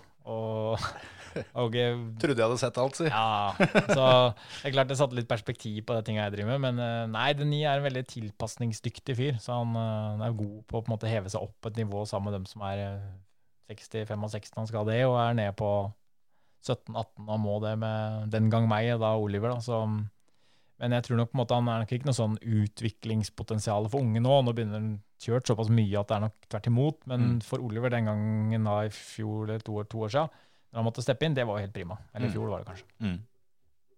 Så, nei, vi, vi prata vi, altså, men eh, jeg fikk jo forbedra engelsken. da, Fikk jo litt sånn fransk aksent på den. Ja, det er aldri så gærent, vet du. Det, det kommer noe positivt ut, ut av alt. Ja da. Hatt det veldig gøy. Hvordan er det å Sånn som når du da bytter kartleser, får du mye tid til å lære å jobbe gjennom noter og Eller var det litt sånn som det var for Oliver, at det var liksom bang rett i bilen, kjør? Det er nok litt sånn bang rett i bilen med det jeg driver med. Jeg veit jo at veldig mange av dere er veldig flinke til å på en måte prøve å finne opp kruttet på nytt. og alt. Det er nok veldig mye enklere sånn. Jeg setter meg inn, og så sier jeg liksom det jeg mener skal være på svingen, og så leser den personen ved siden av, og så hører jeg på det. Og jeg er ikke så avhengig av å høre den eller den stemmen, eller på en måte Jeg bare får den informasjonen, og bruker jeg den til det jeg skal. Eh, Men når det er sagt, så kunne jeg kanskje kjørt antageligvis fortere til tider ved å ha med én person fast hele tida. Mm. Det har vært veldig vanskelig så lenge karrieren har vært litt av og på. Sånn. Jeg har kjørt veldig mye, men kanskje få løp, da, for jeg har ikke hatt mer penger til det. I tillegg til at jeg har kjørt internasjonale løp. Å få med da en norsk kartleser som ikke har erfaring i utlandet, er veldig vanskelig. Men da, ikke sant, når du får med sånn som Anders Fredriksson den gangen jeg fikk han i veldig mange år Vi hadde jo et vanvittig godt sånn derre brødre Vi har det fortsatt, altså Vi er så gode venner nå, da. Sånn, enormt ærlig og godt forhold, og det gjorde en, en forandring i karrieremeteren. Han ble med og var veldig steady hele tida. Mm. Eh, og så har jeg hatt med veldig mange gode andre. Torstein, altså for dem av dere som ikke har gjort det, så anbefaler jeg å gå inn på Facebook-sida mi og se på en etappe fra Gran Canaria med Torstein som Altså, han har ikke pust igjen. Det går ikke å få sagt mer og fortere og vært mer på enn det Torstein er, så eh, ekstremt god Torstein også. Ja, den, den filmen er faktisk ganske kul. Ja, jeg, jeg får ikke til å kjøre noe fortere, og likevel så Gryasjin kjører jeg fra vel der, men uh, Lukianuk er jo skapt av noe annet til tider. Altså, vi kommer i mål begge to, bare tenker at nå tok vi dem. Dette var siste dagen til og med. Vi tok i som, jeg hadde blodsmak i munnen, eh, reelt blodsmak i munnen. Eh, og det er et par steder hvor du ser, hvis du ser på en innborden, at jeg, jeg kontrer liksom på fjerdegir på asfalt mot noen murer, og det er liksom akkurat så går imellom. Likevel så er den der sniken fra Russland en tre-fire sekunder foran. Det er bare helt umulig til tider. Åssen er den følelsen, da? Når du, du klarer ikke mer, men så er det fortsatt noen som klarer enda mer. Nei, den har jeg lært å forsone meg litt med, at jeg på en måte må akseptere eh, Jeg er veldig opptatt av at man må akseptere seg sjøl noen ganger. Da. At så god er jeg, Mm. med den midlene til rådighet og det jeg har trena. Jeg kommer jo til enkelte løp, eh, som bl.a. Oliver kjørte i Latvia i fjor. Jeg har kjørt fem mil. Jeg har ikke sittet i bilen siden eh, Da var det kanskje svenskerally. Mm. Altså testa fem mil på mandag. Så kom Oliver og sier nei, vi fikk ikke testa så mye, vi har kjørt 60 mil. Og så fyren har brukt like mye penger på, på testing som da jeg har brukt hele sesongen, antageligvis. Så det er klart, Da må, må man bare forsone seg med at så god får jeg blitt akkurat nå. Jeg Mm. får det ikke til mer, og så må jeg veldig, være veldig fornøyd med det. Og så må man alltid hige etter å kjøre fortere, men, men være fornuftig og ikke gjøre noe overilt. da. For det har jeg også gjort noen ganger, ikke sant? når du vil at det skal gå fortere, så går egentlig ikke fortere. da butter det. Og hvor god føler du du kunne, kunne ha blitt hvis du, hvis du bare kunne kjørt så mye du ville? Nei, jeg har et punkt i karrieren min som noe skjer, og det er i 2009. Eh, vel, når jeg vinner først Spania, eh, som første eh, fører som vinner et internasjonalt asfaltløp for Skoda med Super 8000, Mm. med Denis i kartestasjon. Et løp jeg for øvrig kjører med eh, høyre brems, hvis jeg kan si det. Altså jeg kjører hele løpet med å bremse med høyre. Så jeg kjører på gamlemåten som Morol, hvor jeg i nedbremsingen og sånn bruker høyrebein på brems og gass og jobber meg på den måten, fordi at jeg, jeg sleit med varme bremser og klarte ikke å kjøre så fort uten å koke bremser når jeg brukte venstrebrems. Ja, ja, Mm. Så jeg vinner det løpet og blir vel eh, sånn 10-11 totalt, og det var veldig bra. Det var veldig mange mennesker rundt, eh, radiofolk og TV-folk, og da var det liksom sånn ja, veldig eh, hype på det. Mm. Gjorde det bra, de løp og kjørte hjemme, og så kom vi da til Cambrian Rally, som Nasser kjørte, Mats kjørte vel, og der kjører vi også veldig fort. Um, og er da sitter inne i testlastbilen. Hirvoen kjørte løp som K-bil, sitter inne i lastebilen som Malcolm, og det var liksom veldig sånn Det begynte å dra seg til litt da, på en del ting. Og så kom jeg til Wales, og så er det et helt fantastisk løp. Altså, det er sånn derre Du lever bare i drømmen. Jeg forstår ikke helt hva som skjer. Jeg bare vinner lett. Mm. Jeg sitter bare og kjører den Skodaen, og det er bare helt, en sånn drøm. Eh, og Sandel er bare over to minutter bak, som kjører for Red Bull og Baumslager, da, som var veldig godt team i, i SVRC. Skjønner egentlig ikke hva som skjer i det hele tatt. Og kommer over målerampa i Wales der og, og står da, jeg husker jeg kom først av alle, for de skulle ta SVRC-vinneren først. Så på bildet så ser du jeg og Denise stå på taket, og så står Løv bak og venter på å kjøre over, som vinner løpet. Eh, og det var pressekonferanse, ikke sant. Det var, eh, det var så mye media på. Eh, det var da mm, IRC dro i gang skikkelig. Jeg skulle kjøre for eh, Skoda UK. Og det var liksom med fabrikksteamet og masse greier. Og så kommer den der sånn griseslag i magen etter to timer og var ute og spiste at du må opp til juryen. Mm. Så bare, åh, hva skjer nå? Og så kommer jeg opp dit, og da har det vært teknisk etterkontroll. Og har da to millimeter for små stempler i kaliperne bak på bilen. Det var sånn eh, at det var nå, sa du. Og da var det to millimeter for små stempler. Ja. Det, det er jo tvert imot en effekt. Ja, ja. Eh, og det som viser seg da, at eh, når Skoda har utvikla den nye Super bilen så har de hatt inn veldig mange bremser, og så har de homologert alle med likt homologeringsnummer. Så Skoda tar på seg skylda. Men det hjelper veldig lite når han tyskeren i det jurymøtet bare mener at eh, han skal diskes. Ferdig snakka. Og Jérôme, for dem som har vært og kjørt internasjonalt rally, veit at det er en veldig anerkjent uh, FIA-delegat. Vært i veldig mange år. Sitter ved siden av meg og forsvarer meg og mener at Eivind har ikke noe skyld i det her. Teamet har faktura, det er, no, det er riktig nummer på kaliberen, alt er i orden, så gi Eivind to minutter straff. Han vinner for det, han blir ni totalt. Alle har fått som fortjent, gi Skoda en bot. De holder på sitt. Jeg mister seieren, jeg mister niendeplassen totalt, jeg mister bronsen i VM, jeg mister alt. Mista avtalen med Skoda UK, for da ble jeg tatt for juks. Så Guy Wilkes kommer inn og tar den rollen. Der skjer det et eller annet. Akkurat der, når jeg var der liksom på mitt beste Mm. krøller det seg på et vis til. Eh, og det bare etter det så roter det seg til med teamet jeg kjørte for, som går konkurs. og ja, Det møtte ikke opp på løpa, og vi satt i Portugal, jeg og Nasser Al-Attiyah. Det kom ingen, får ikke kjørt shakedown. og Da bare, da husker jeg liksom en liten periode at da eh, husker jeg kasta opp og var helt uvel. Og da, da husker jeg liksom, jeg tenker at det her, nå mister jeg det. Nå dette er det som er i ferd med å liksom jeg, jeg tenkte liksom sånn farlig at nå blir jeg faktisk fabrikksjåfør. Mm. Malcolm sitter liksom og prater med meg nå. Nå er jeg nære. Mm. Og så bare detter alt i grus. Så det, der, der skjedde det noe. Der hadde jeg veldig trua på at uh, jeg kunne vært noe. Så sett tilbake på det. det er veldig vanskelig å si i dag at ja, det hadde jeg blitt. Men ja, jeg har jo slått Petter. Jeg har jo slått løp. Mm. Jeg har uh, kjørt topp 50 i svenske rally. Vunnet prøver på asfalt, grus og snø, så er det klart. Ja, sjansen har vært der, men jeg kan ikke si i dag at det hadde jeg blitt. Men jeg tror jeg hadde vært en helt hyfsat kandidat, kanskje. Absolutt. Et par eh, stempel eh, som ikke du kunne noen ting for, ikke visste noen ting om alt sammen. Og det, det ble vendepunktet. Ja, det blei det, altså. Det var, da, da skjedde det veldig mye. og Det var liksom, åh, Da husker jeg ble veldig demotivert. Jeg husker at det var liksom, Da rakna veldig mye. Og det å stable så mye penger på beina som vi var i ferd med å gjøre, og vi skulle kjøre for Skoda, det var jo veldig mye på G. da.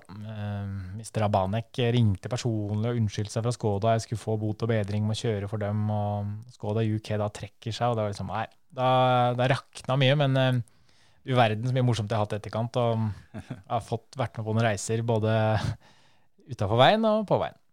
Hvilken av de nåværende VM-sjåførene føler at du er mest lik? Eh, det er veldig vanskelig. Vi er veldig personligheter forskjellige, men jeg kjører nok veldig likt som uh, typorsier. Jeg er en veldig gnien fyr når det gjelder å kjøre. Jeg er ikke så glad i å kaste bilen rundt og sette og ta store risikoer. Eh, vi snakka i stad om Løb, at jeg har lært mye om Løb. Jeg kom veldig god kontakt med Løb og spurte Løb veldig mye om hva han gjorde.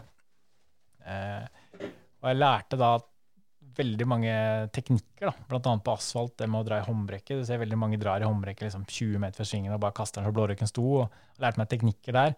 Så jeg kjører nok veldig mye likt som løp, har sett liksom opp til den kjørestilen, og det har jeg hatt fra gokart. Det, det, det stuper man på en måte inn i svingen veldig sånn direkte inn mot uh, Apex, og liksom bare knekker rundt og åpner ut igjen. Ha mest mulig fart med seg, aldri drepe farta. Det har på en måte tatt med veldig mye videre, da, og tenkt hele tida på de jevne, istedenfor å ta en kjemperisk og gå av gassen i fem sekunder med harehjerte etterpå og være litt shaky. Så jeg tenkte at det er bedre å ikke ta risken, og så være på det jevne gode. Mm. Eh, så jeg burde nok sett i etterkant at jeg burde tatt mer risk uh, for å på en måte ha de litt sånn veldig gode tidene, som f.eks. Tanak, da, som jeg har kjørt en del mot, som har hatt noen sånne der, bare sånn der, du bare tenker er ikke mulig å kjøre rundt der på den tida. Men han har tatt de riskene og, og hatt muligheten av noen som betalte når det har smelt.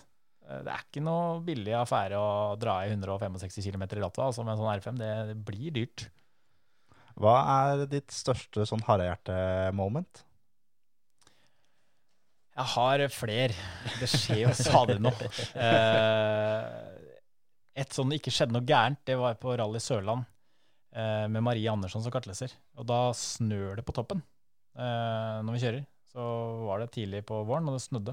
Så husker jeg kom veldig, jeg ser på, har innborden og sett mange ganger, jeg holder jo helt sånn uforskamma veldig mye stumt over noen grønn. Og så, og så er det en kombinasjon som jeg liksom Jeg kjører som gokart, holder albuene litt innat meg, liksom prøver å få med rumpa på den der slådden av en Mitsubishi, og og så kjenner jeg at dette, jeg kommer jo fort, jeg vil jo ikke klare å holde den rumpa igjen, så jeg får en kontra og går i grøfta i en venstresving på ytteren. Og da har jeg liksom kurs mot et autovern, og jeg forstår at er det autovern, så er det litt ned. Så jeg tenker at jeg kan jo ikke gå av gassen, for da fortsetter jeg å rotere, så jeg må gå på gass. Men svingen, neste sving tilsier jo at jeg må ned i fart. Så hvordan det gikk bra, det veit jeg ikke. Men jeg husker at Maria bare lo videre nedover nedoverbakken. Og jeg tenkte jo du er jo sjuk, dette Og Jeg var sikker på at nå smalt det, men vi kom igjennom. Holdt jeg på å ta livet av deg, og du sitter her og ler, liksom? Ja, og jeg bare lo, for skjønte at jeg jobba litt, da. Ja. Eh, ellers så har, jeg, så har jeg gassheng på en Fiesta jeg kjørte for eh, M-Sport i Tyskland, på en R5. Veldig tidlig det året vi kjørte R5, med Elfin Evans eh, og jeg og Tanak igjen. Og jeg kommer ned en bakke, og det er på Turtalsberga, og så er det over en bro, og så er det 90 grader høyre med halmballer. Og når jeg går av gassen da, på asfalt, så er det jo liksom Da skal det ikke være mye mange sekunder flere med bånn gass. Da er det på en måte å gå av, og det gikk jo ikke av. Jeg måtte inn med to sett, da, både clutch og brems. og Var kline inn og mokke inn i brekket og gire ned, og fikk jo en kjempesladd. Og kom rundt med gassheng, da, ut av svingen med kløsjen inn og bare ratatatat. Skru av bilen, elektronisk, eh, det var ikke noe wire så på den, så da gikk den jo av. Ja. Det er kanskje sånn, da tenkte jeg at nå Nå ryker Nå er det slutt. For da gikk det fort. Men jeg syns dere en gang hvis det Anders Kjær stikker innom, så kan han spørre når han hadde harehjerte sist. For det er sammen med meg. Så, og det er, jeg hadde ikke harehjerte, men han, han så skrenten vi var på vei ned. Mens jeg syns det gikk kjempebra. Anders Kjær, som for øvrig er helt makeløs, som er verdens råeste på å kjøre bil og skru, han er jo med og hjelper meg. Han, han er helt rå, men han eh, Ja, da, da, var, eh, da tenkte Anders at dette går ikke. Ja. Men hva med på Sigdal for eh, Når kan det ha vært? Da var det en eh, 360 grader eh, på helt, helt, helt flatt. Nei, Finnskog er det faktisk. Eh, en fight med Mats. Mm. Mats kjører VRC-bil på 15 tom, og jeg kjører RRC på 16 tom. Så jeg har en fordel på 16 tom, men han hadde en fordel på VRC. Det var så ekstremt jevnt. tenkte jeg, nå, nå skal han få. Nå skal jeg ta den. Det gikk jo ikke. Det er, jo, du skjønner når du ser den innborden at det er jo det er, helt mørkt, for å si det sånn. Det går jo inn i den svingen. Du hører jo på noter og alt, og dette vil jo ikke gå, men jeg tenker det, det bør jo gå. Og så drifter han så hører at det liksom turtallet detter, og det, han orker ikke mer sidelengs, da. Men da er det et eller annet som kobler inn av da. Er det bare inn med kløtsjen, drar i brekket. Jeg tenker at jeg må komme meg rundt, så jeg må få større sladd enn jeg klarer nå for å snu den før svingen er ferdig. Og mokker ned tre, fire, fem gir måtte det bli for å komme i første gir. Og hosta han av gårde var jo bare fire-fem sekunder bak i mål. Så det, det kunne gått ordentlig ille. Da var jeg ikke så hardhjertet, for da var jeg litt på. Jeg kjente liksom at uh, vindpusteren på, og det var liksom var på veien. Og, men um, ja, den, den videoen da var også ganske morsom. Hva er det verste smellen du har hatt, da? Når det har gått gærent, liksom? Jeg tror jeg veit svaret. Ja, jeg tror ikke det er noe tvil, altså. Det er, eh, det er Latvia i 2018, må det bli. Ja, ja det butta noe helt hinsides. Det, det, var, det var så hard butt at uh, Jeg husker ikke akkurat nå var G på kamera, men uh, det var såpass mye at uh, jeg leste at det ikke var bra. Et eller annet sted. Ikke anbefalt av helsemyndigheter. Jeg kom der året etter, så satt jo Cato på igjen. Cato hadde litt innhopp, innhopp der. Og da gira jeg ned et gir, og sånn kylling. Sånn da det gira ned. Men eh, klok av skade. Nei, det, var et eh, veldig bra løp, da. Hadde veldig god trua på det jeg drev med. og jeg husker ikke helt om det var eh, Fabian Kreim som kjørte for Skoda og Bamslager. Tyske Kreim. Så var det en veldig god fight. Og så er det på siste dagen, så jeg, vi kjemper vel om Jeg husker ikke om det var andre eller tredje. Det var veldig tight. Det var i hvert fall podium, da. Som det var, vi lå på fjerde og tredje, eller om det var faktisk de andre, tredje og fjerde vi var helt tett. Så det skilte bare noen sekunder. Og i Latvia så går det jo bånn gass. Det er sånn 12-15-20 sekunder på turtallsperra. Så det er der du må ta, der må du ta litt. Ellers så er det så jevnt. Mm. Så er det like etter start. Uh, så har jeg Jeg gjør aldri dette her, men på gjennomkjøringa så tar vi jo video. Og jeg ser alltid bare én gang igjennom, for jeg hater å pugge ting. For jeg mener at for det første syns jeg ikke er gøy å kjøre rally med å pugge ting. Uh, og for det andre så er jeg redd for å huske ting. Så jeg tror at jeg kommer til steder hvor jeg ikke kommer. Sjøl om jeg hører notene. Så jeg er veldig på at jeg skal høre på notene og skal kjøre så bra. Men da hadde jeg filma den innboarden på PC-en og tatt den på telefonen. Så på vei til den prøva så ser jeg på akkurat den sekvensen. Jeg hadde filma liksom fire svinger. Derav den svingen. Og på gjennomkjøringa så stopper jeg, for det er en fotograf som skal ta et bilde av oss. Jeg er jo jovial, da, så jeg hilser på alle og stopper. Eh, og det er her jeg kjører av. Det jeg ser på her. Mm. Så kommer jeg helt fullt nedover, og jeg har en lang venstresving som gjør akkurat som jeg skal. Og går inn i den svingen, og jeg har bare fått for meg at den, den går mer eller mindre fullt. Nei, den går ikke fullt, for det er eh, en gradering i halvannen ned. Ja, og Når du sier mer eller mindre fullt, så mener du fullt. Ja, jeg holdt det fullt. Og så mister jeg rumpa litt på inngangen, så tenker jeg at det, det går. For jeg fikk liksom snudd bilen. Men det er jo så mye løsgrus utafor sporet. Og da når jeg skjønner at liksom nesa slår ut og jeg er på vei liksom rett fram inn i skauen, så skjønner jeg at dette kommer til vondt. Og da holder jeg meg liksom ordentlig i rattet, så jeg bøyer jo rattet framover. Og av en eller annen merkelig grunn, så liksom når jeg går nedover der, og så føler jeg liksom at eh, Kan hende dette går allikevel. jeg lander kanskje på veien eller noe. Ja. Eh, men vi landa vel ikke sant, langt inn i skauen her, opp etter et tre, langt ned på svingen, og folk kommer bort og var død, ikke sant, for det hadde jo bytta svart. Men jeg går tilsynelatende ut og tenker at dette gikk jo veldig fint. Titt på bilen, og ja, stort sett hele karosseriet, alt var helt. Det så ikke så gærent ut. Rivde av noen hjul og sånn, men sånn til å dratte av 165, så var det ganske pent. Ja. Og så ble jeg litt stiv og støl, og Ilka går det bra med. Ilka satt på da. Eh, på kvelden på hotellet så kjenner jeg at jeg skal gå ut av bilen. Så liksom, åh, det venstrebeinet var trått å dra ut. Jeg hadde sittet i bil i tre timer ned til flyplassen. Men det var søndag. Jeg skulle på jobb, så jeg fløy jo da grytidlig eh, mandag morgen. Fløy til Gardermoen, var på Gardermoen 6 eller noe, og kjørte rett på jobb. Sitter på jobben, og så etter hvert så de resten på kontoret ser jo liksom den videoen. Og lurer på bare Du må jo på sjukehuset. Har du ikke vært på sjukehuset? Bare, nei, det går bra. Da. Bare, nei, du må på sjukehuset. Så da klokka ble tolv, da, Ja. så hadde jeg litt vondt i, hadde litt vondt i kroppen. Jeg må innrømme etter hvert. Dro på sjukehuset, og så kom, ringer jeg vel fastlegen og sier du må bare kjøpe akutten. Altså, du har jo Så kommer jeg dit, og så sier jeg liksom 'Jeg har krasja litt med bil', og Ja, ja, men har du fått rekvisisjon? Og nei, jeg har ikke det. Og nei, og så jeg meg Hva har skjedd, da? Nei, skal, du se videoen? Har du video av det? Og så viser jeg den, og da er det alarm. Da er det fullt traumeteam. Da er det bare alle på venterommet blir venta, og det kommer inn leger, og det er full MR og CT og skanning og blodprøver og eller urinprøver, og det er røntgen, og det er full pakke. Jeg jo der lang stund da, ute på kvelden. Og så kom jeg hjem og ble friskmeldt. Alt gikk bra. Og så går det en tre-fire dager, så ringer legen og sier du har det vondt i ryggen. Jeg har litt vondt i ryggen. Ja, du har brekt noe i ryggen. altså, jeg har brekt noe i ryggen. Da hadde jeg brekt en ryggvirvel, eller noe nedi ryggvirvelen. Altså, utover det så gikk det veldig bra, men um, det var ikke noe ambulanse på i Latvia, for å si det sånn. Det er heftig. Det var jo um, det var godt du tok deg en tur til legen, da. Det var bra. Fikk ikke gjort noe, så jeg var på jobben dagen etter, ja. Så det, det var ikke noe Må på jobb. Da fikk du sjekka at alt var i orden, om ikke annet. Ja, ja, det er jo, Nå forteller jeg kanskje mer enn jeg burde, men jeg ligger på benken her, så er det en ganske hyggelig lege som skal sjekke meg. Altså, da er det sånn Når du har hatt en såpass kraftig smell, så må du både sjekke avføring og urin. For det har butta såpass at det er så mye G at man er redd at ting kan ha sperra. Og så sier jeg til henne at du, nå er jeg liksom 30 år, skulle ikke bare sjekka prostata samme slengen. Og dama blir jo helt rød. Men tenker jeg, da har jeg sjekka alt. Så jeg har hatt en ordentlig runde, så jeg er fri for prostatakreft, og alt er bra. Ja, for du fikk sjekk. Jeg fikk sjekk. Ja, ja, ja. Så til de grader. Ja, ja, men den... Det er smart mann, da. Der har du Da det. slapp jeg den kleine etterpå. Yes, Hun ordna det, hun. Så det når du først er der, Ja. da er det, jo, det er ikke noe vits i å dra tilbake igjen. Nei, og jeg visste jo hva jeg måtte gjennom utgangspunktet. Hun måtte jo på et eller annet tidspunkt få tatt den Ja, ja. Jeg vet ikke helt hvor denne podkasten ender når man sitter og snakker om prostatasjekk, men eh, jeg har i hvert fall fått det, da. ja, ja. Nei, det er som vi sa i stad, det er jo aldri så gærent at ikke det er godt for noe. Nei, helt riktig. Vi får uh, se om vi får tatt den videre herfra. Vi kan jo, uh, vi kan jo prøve å snakke litt om uh, hva du egentlig skulle drive med i år.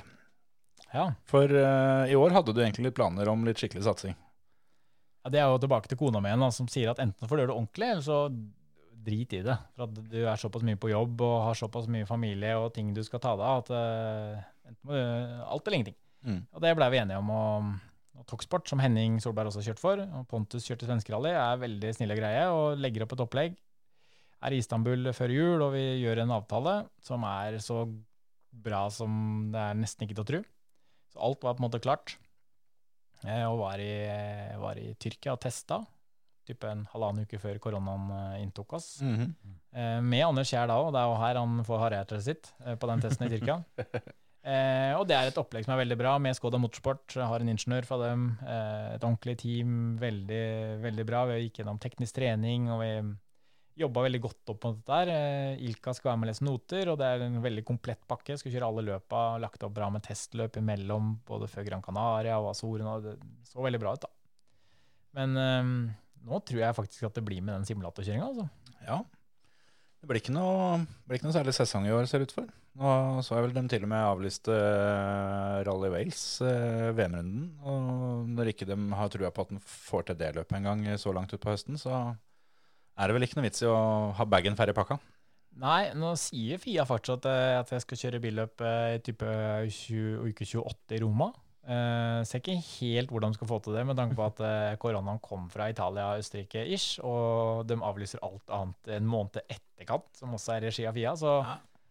nei, så vi får se, men eh, planen er nå at jeg skal kjøre billøp i Roma i første hjemmeløpet. Mm. Uh, Og de har putta den kalenderen relativt pakka med sju løp i løpet av et kvarter. Så jeg er litt usikker på hvordan jeg skal få til dette med karantener og fullpakke. Men der har NBF da med Atle Gulbrandsen gjort en veldig god jobb med forsikringsselskaper og inn- og utreiseforbud og karantener. Og, for jeg har en normal jobb. Ja. Every day. Eh, jeg kjenner det dirrer i lomma her. Jeg har vakt i kveld, så alle de som prøver å ringe Alfa Dremix, eh, får ikke hjelp akkurat nå.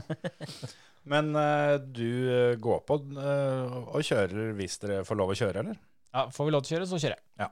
Får vi ikke kjøre, så må vi kjøre i 2021. Jeg skal ha én ordentlig Mm. når vi først har kommet så langt. Ja. jeg, jeg føler jeg skylder karrieren min å kjøre en én full ordentlig sesong, for det Mm. har jeg ikke gjort på veldig mange år. Jeg har kjørt veldig mange enkeltløp, men jeg har ikke kjørt en sånn skikkelig full sesong hvor jeg har med et fabrikksteam i form av ingeniør og liksom et ordentlig opplegg. Mm. Så det skylder jeg meg sjøl, og det Hvis man kan være så liksom heldig å kunne si det, da. Men Er det, er det sånn å forstå at da, det blir det ene året også ferdig, eller? Nei, da får vi se hva som skjer, men jeg er jo en realistisk optimist. Altså, som vi sa i stad, jeg kjører ikke Formel 1, men jeg kjørte fra Walter Bottas og flere av de andre, men jeg kjører fortsatt ikke Formel 1. Mm. Eh, og, se på det som realistisk at eh, Hyundai skal ringe meg i morgen, det er vel lite trolig. Samtidig som det siste Craig Breen gjorde, var jo å bli frakjørt av meg i Wales før han gikk til Citroën. Eh, så liksom man, vi er jo på en måte på et nivå, føler jeg, veldig mange. Og jeg tror personlig at jeg kunne vært en relativt eh, bra kar å ha i et team som en andre tredjesjåfør. Type tredje. Plukke poeng, sånn som Sorud har gjort i mange år. Mm. Tror sjøl at jeg er ganske jovial, kan holde god stemning i et team, plukke poeng, steady. Jeg har ikke snakka om at jeg krasja litt, men det er liksom kanskje tre ganger jeg har krasja ordentlig i mitt liv. Ja, men det er du ferdig med nå. Ja, da er jeg ferdig med det, men jeg har smelt en gang som hvert fjerde år cirka. Uh, Men det blir fort glemt hvis du nevner prostatasjekken din. ja da, da er det fort glemt, tenker jeg. nei da. Nei, så det er realistisk er vel å tenke at det ikke er mulig. Men jeg kommer jo aldri til å klare å gi meg, vet du. Det er jo så gøy. Fytti katta, det er det beste du gjør med klær på. Det er så gøy, altså. Det har vi jo snakka om før, at eh, du, du slutter jo aldri. Du tar bare, bare pauser, som er eh, Noen er lange, og noen er korte. Ja, og så må jeg holde ut litt til. For at hvis jeg skal være like heldig som jeg var etter fatter'n, med å få med en del sponsorer over, så Ja. kan ikke Julian, han på fem hjemme, ikke få noe benefits av det jeg har drevet med hele mitt liv og jobba opp. Det er helt riktig. Så Kulbeth og Melkvist må holde ut noen år til med meg, før vi kan liksom døtte på ny, eh, ny generasjon. Så, og så har jeg veldig mange flinke rundt, ikke sant? som vi nevnte. han Simen Tvete, Anders Kjær. Mm. Eh, jeg har en på jobben som heter Lars Erik, som har vært med meg i all tid. De har jo fortsatt lyst til å drive med motorsport, de òg. Mm. Liker jo. Det er jo gøy. Så er det jo eh, en ting som jeg tenkte på, at, eh, at, eh, at historien er jo optimist med tanke på EM-sesongen din. For det, når du har tatt deg litt sånn type pauseår, så har det ofte gått veldig bra etterpå. Begge gangene du ble norgesmester, så hadde du jo så å si pauseår året før. Ja, og det året før jeg ble norgesmester første gangen, så, så var det jo fordi at da hadde det vært litt vanskelig. Fattern fikk blodpropp på lillehjernen, så han blei litt dårlig, og da måtte jeg jobbe mye, og det var liksom mye greier. Så ble vi enige om at da liksom, ok, nå skal vi gjøre det ordentlig. Jeg hadde ikke kjørt full NM på mange år, og bare nå vinner vi. Og nå gjør vi det. Mm. Vi planla ordentlig godt, sånn som vi har gjort nå. Mm. Eh, og der er litt sånn all ære til Anders Kjær igjen. Jeg er ikke så god på hele tida å klare å tenke rally, selv om jeg liker rally veldig godt. Eh, mens Anders er der og pepper meg liksom Husk på det nå, husk på det. Sender meldinger, vi setter opp plan. Vi har sånn fildeling og legger opp planer, hva teamet må ordne med, hva jeg må ordne med. Eh, hva vi skal bli bedre på, hvilke videoer vi skal se. Jeg har aldri gått gjennom i forkant så nøye som jeg har gjort nå før Azorene. Titta på innborden. Har fått tak i Lukianuksen, selvfølgelig. ikke sant? Jeg kan se hvor fort de kjører, hvor de pakka. Skulle jo være veldig god. Mm. Så det hadde vært veldig gøy om vi kunne fått lov til å kjøre litt på slutten av sesongen. Ja. For det er ikke noe tema det hvis, hvis den sesongen blir for uh, amputert og tettpakka, og tenke det at det da er bedre tjent med å heller vente på en full sesong i 2021. Jeg tror faktisk Fia gjør det. I stad hørte jeg rykter, eh, dette er jo ryktebørsen, om at VM nå kommer til å endre litt på det. Så de kjører bl.a. Tyrkia kanskje to ganger. To ukers løp da, som kjører én helg, og så er det en uke på mellomrom, og så kjører de en uke til. Eller kjører helg til. Eh, fordi at det er så mange løp som er avlyst. Mm. Så hvis Tyrkia får gjennom å kjøre, så vil de da prøve å lage to løp Mm. eh, der nede. Så et sånt scenario kan det skje. Det kan brått hende at EM blir avlyst, og så hopper jeg inn og kjører da sammen med det Ja. teamet som eieren er fra Tyrkia. Ja, ja. Kjører vi to løp i, i VM i Tyrkia, da. Mm. Og, så, og så gønne på 2021 eh, fra start, ja. Ja. Høres jo ikke så dumt ut, det. Men da begynner det å bli oppkjørt vei, når du, når du holdt på i 14 dager eh, på de samme, samme prøvene. Da håper jeg at de legger opp til noe flere prøver, og da drar jeg relativt mange på startlista hvis jeg ikke kjører så mange løp. Jepp. Det blir gjerne sånn. Jeg vil jo se for meg det, at etter hvert som nå ting ser ut til å begynne å komme i gang litt, både her og der, så er folk ivrig rundt omkring. De, de er klare. Men du var jo litt inne på det sjøl, at du har fylt, uh, fylt ventetida med simulator. Du har kjørt en del der. Blitt frakjørt en del, tenker du på? Nei, det var du som sa det, da. Men uh, du, Jeg, jeg har ikke blitt kjørt av banen av Eivind. Ja, det kan du se. Her tar vi isen og hvert gokart.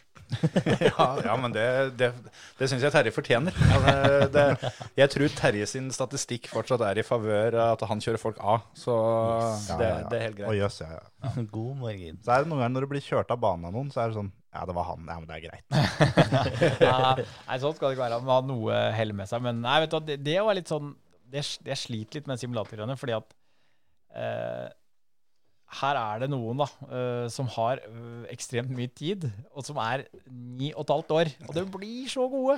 Og hele den Even-gjengen, bare ta av seg hatten, altså.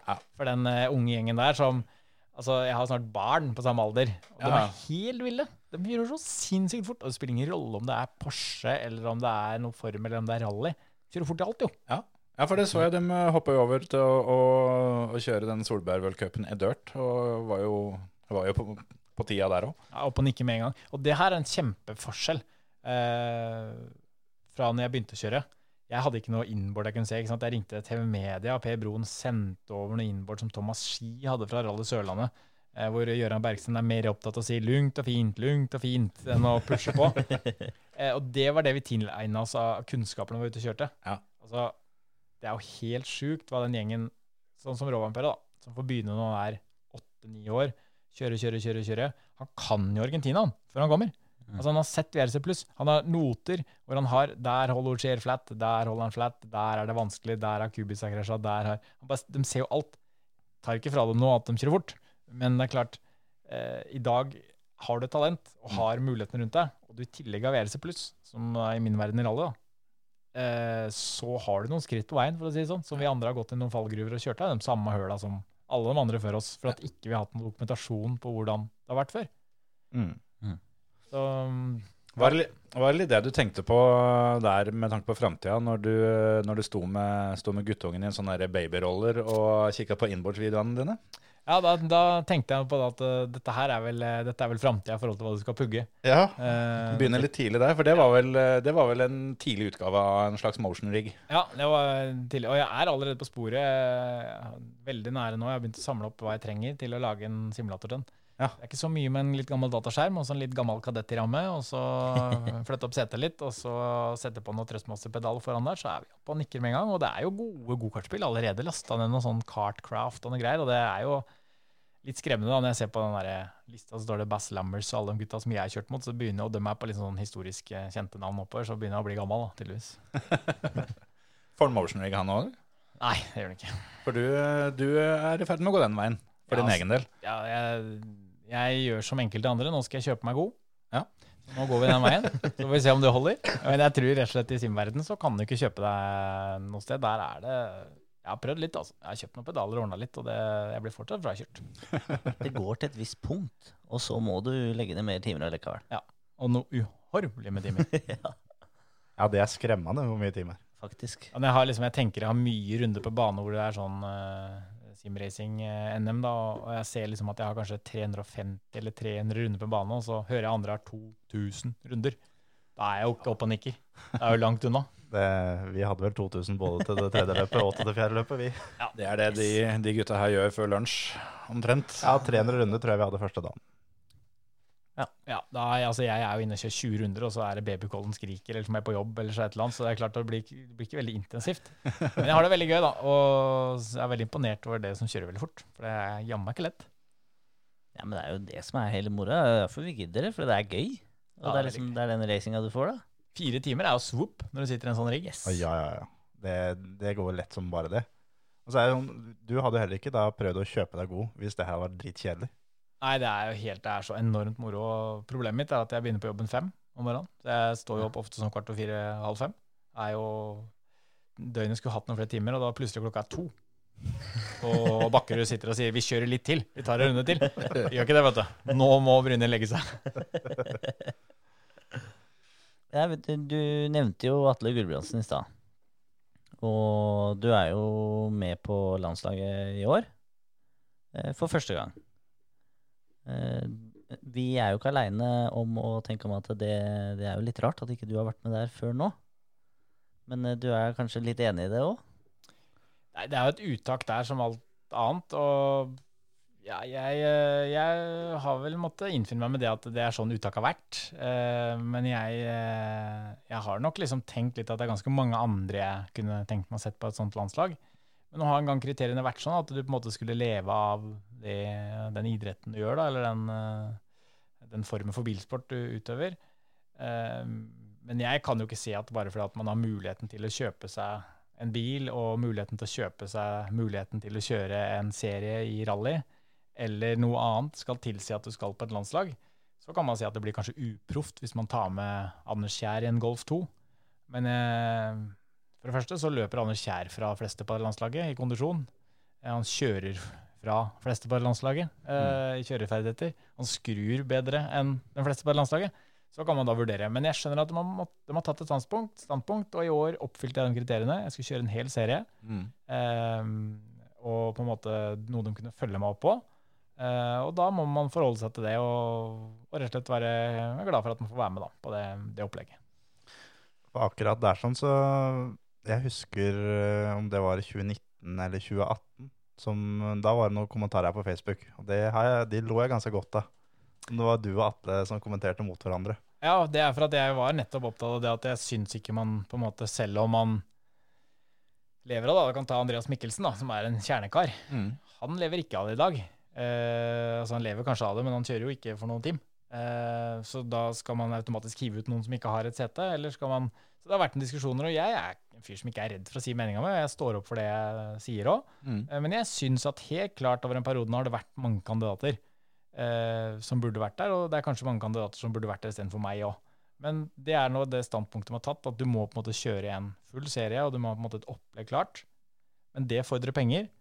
Og da er sant, spørsmålet har du kjøpt deg til å være på et landslag, eller har du ikke. Du, Mm. du har ikke muligheten i dag til å kjøre og ha bare talent. Da er du antageligvis ikke vel, eller da, da, er, da er du ikke ung, fordi at du får ikke til det i dag. Det er så mange pengesterke inn både i formel og baneracing og rally. Mm. At det, du, du trenger penger. Så det har vært den tvisten jeg på en måte har kanskje lufta litt, da. Men all ære. NBF har gjort en enorm oppgradering eh, i forhold til hva det har vært før. Eh, jeg sa jo også det den gangen Atle Gulbrandsen kom inn i Norges Bilforbund, at dette er en av de bedre dagene siden Colin McRae fikk førerkort. At Atle Gulbrandsen kommer inn i NBF. Fordi han er eh, relativt ung og fremadstormende og kan mye om motorsport. Eh, så det er bra å få inn noe nytt blod. Det er heller ikke til å skyve under en stol eller eh, en jekk at det er ganske mange som har vært på NDF i mange år og er ganske gamle, og det, tida går fort, altså. Uh, teknologi og, og teknisk reglement, og ikke minst liksom internasjonaliserer, og man skal oppdatere seg på det. Så veldig fornøyd med at Atle kom inn den gangen og har gjort et kjempeløft. Vi snakka jo litt om det på noen tidligere episoder når vi diskuterte rundt uh, dette landslagsuttaket, og da var det vel dine uttalelser vi tenkte litt på òg, med at uh, de møter seg sjøl litt i døra når de, når de på en måte setter noen kriterier som, som skal følges opp, da, sånn som, eh, sånn som f.eks. Mikkelsen, som du sa, da, som, eh, som er med igjen i år, men ikke, ikke har noe opplegg klart. Og Det var vel det argumentet som ble brukt mot deg da året før. Ja, og det var det jeg på en måte prøvde å pinpointe litt, at det er ganske mange som burde hatt den muligheten, som ikke har et helt opplegg klart, men som kanskje kunne kjørt, hadde hatt muligheten, sånn som jeg hadde hatt, til å kjøre tre-fire løp. Mm. Og likevel mener jeg da burde vært en kandidat, ikke nødvendigvis meg, men noen andre. Men, eh, men så blir det veldig rart at Andreas Mikkelsen ikke skal på et landslag, Mm. som, Mm. som har tatt medalje i VM, som er veldig god.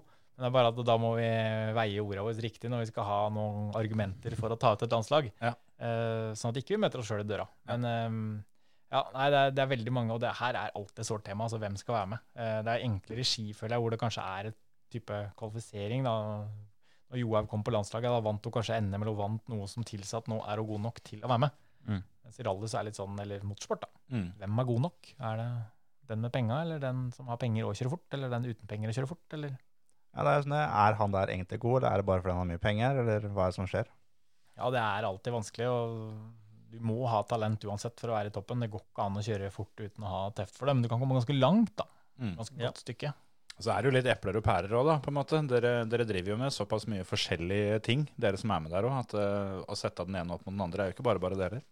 Nei, helt riktig, og det er forskjellige grener og klasser og alt mulig, men eh, nå er det jo en del utøvere da, som har, har bevist da, over tid at de er gode. Mm. Så nei, landslag er, eh, det er veldig bra at vi har det.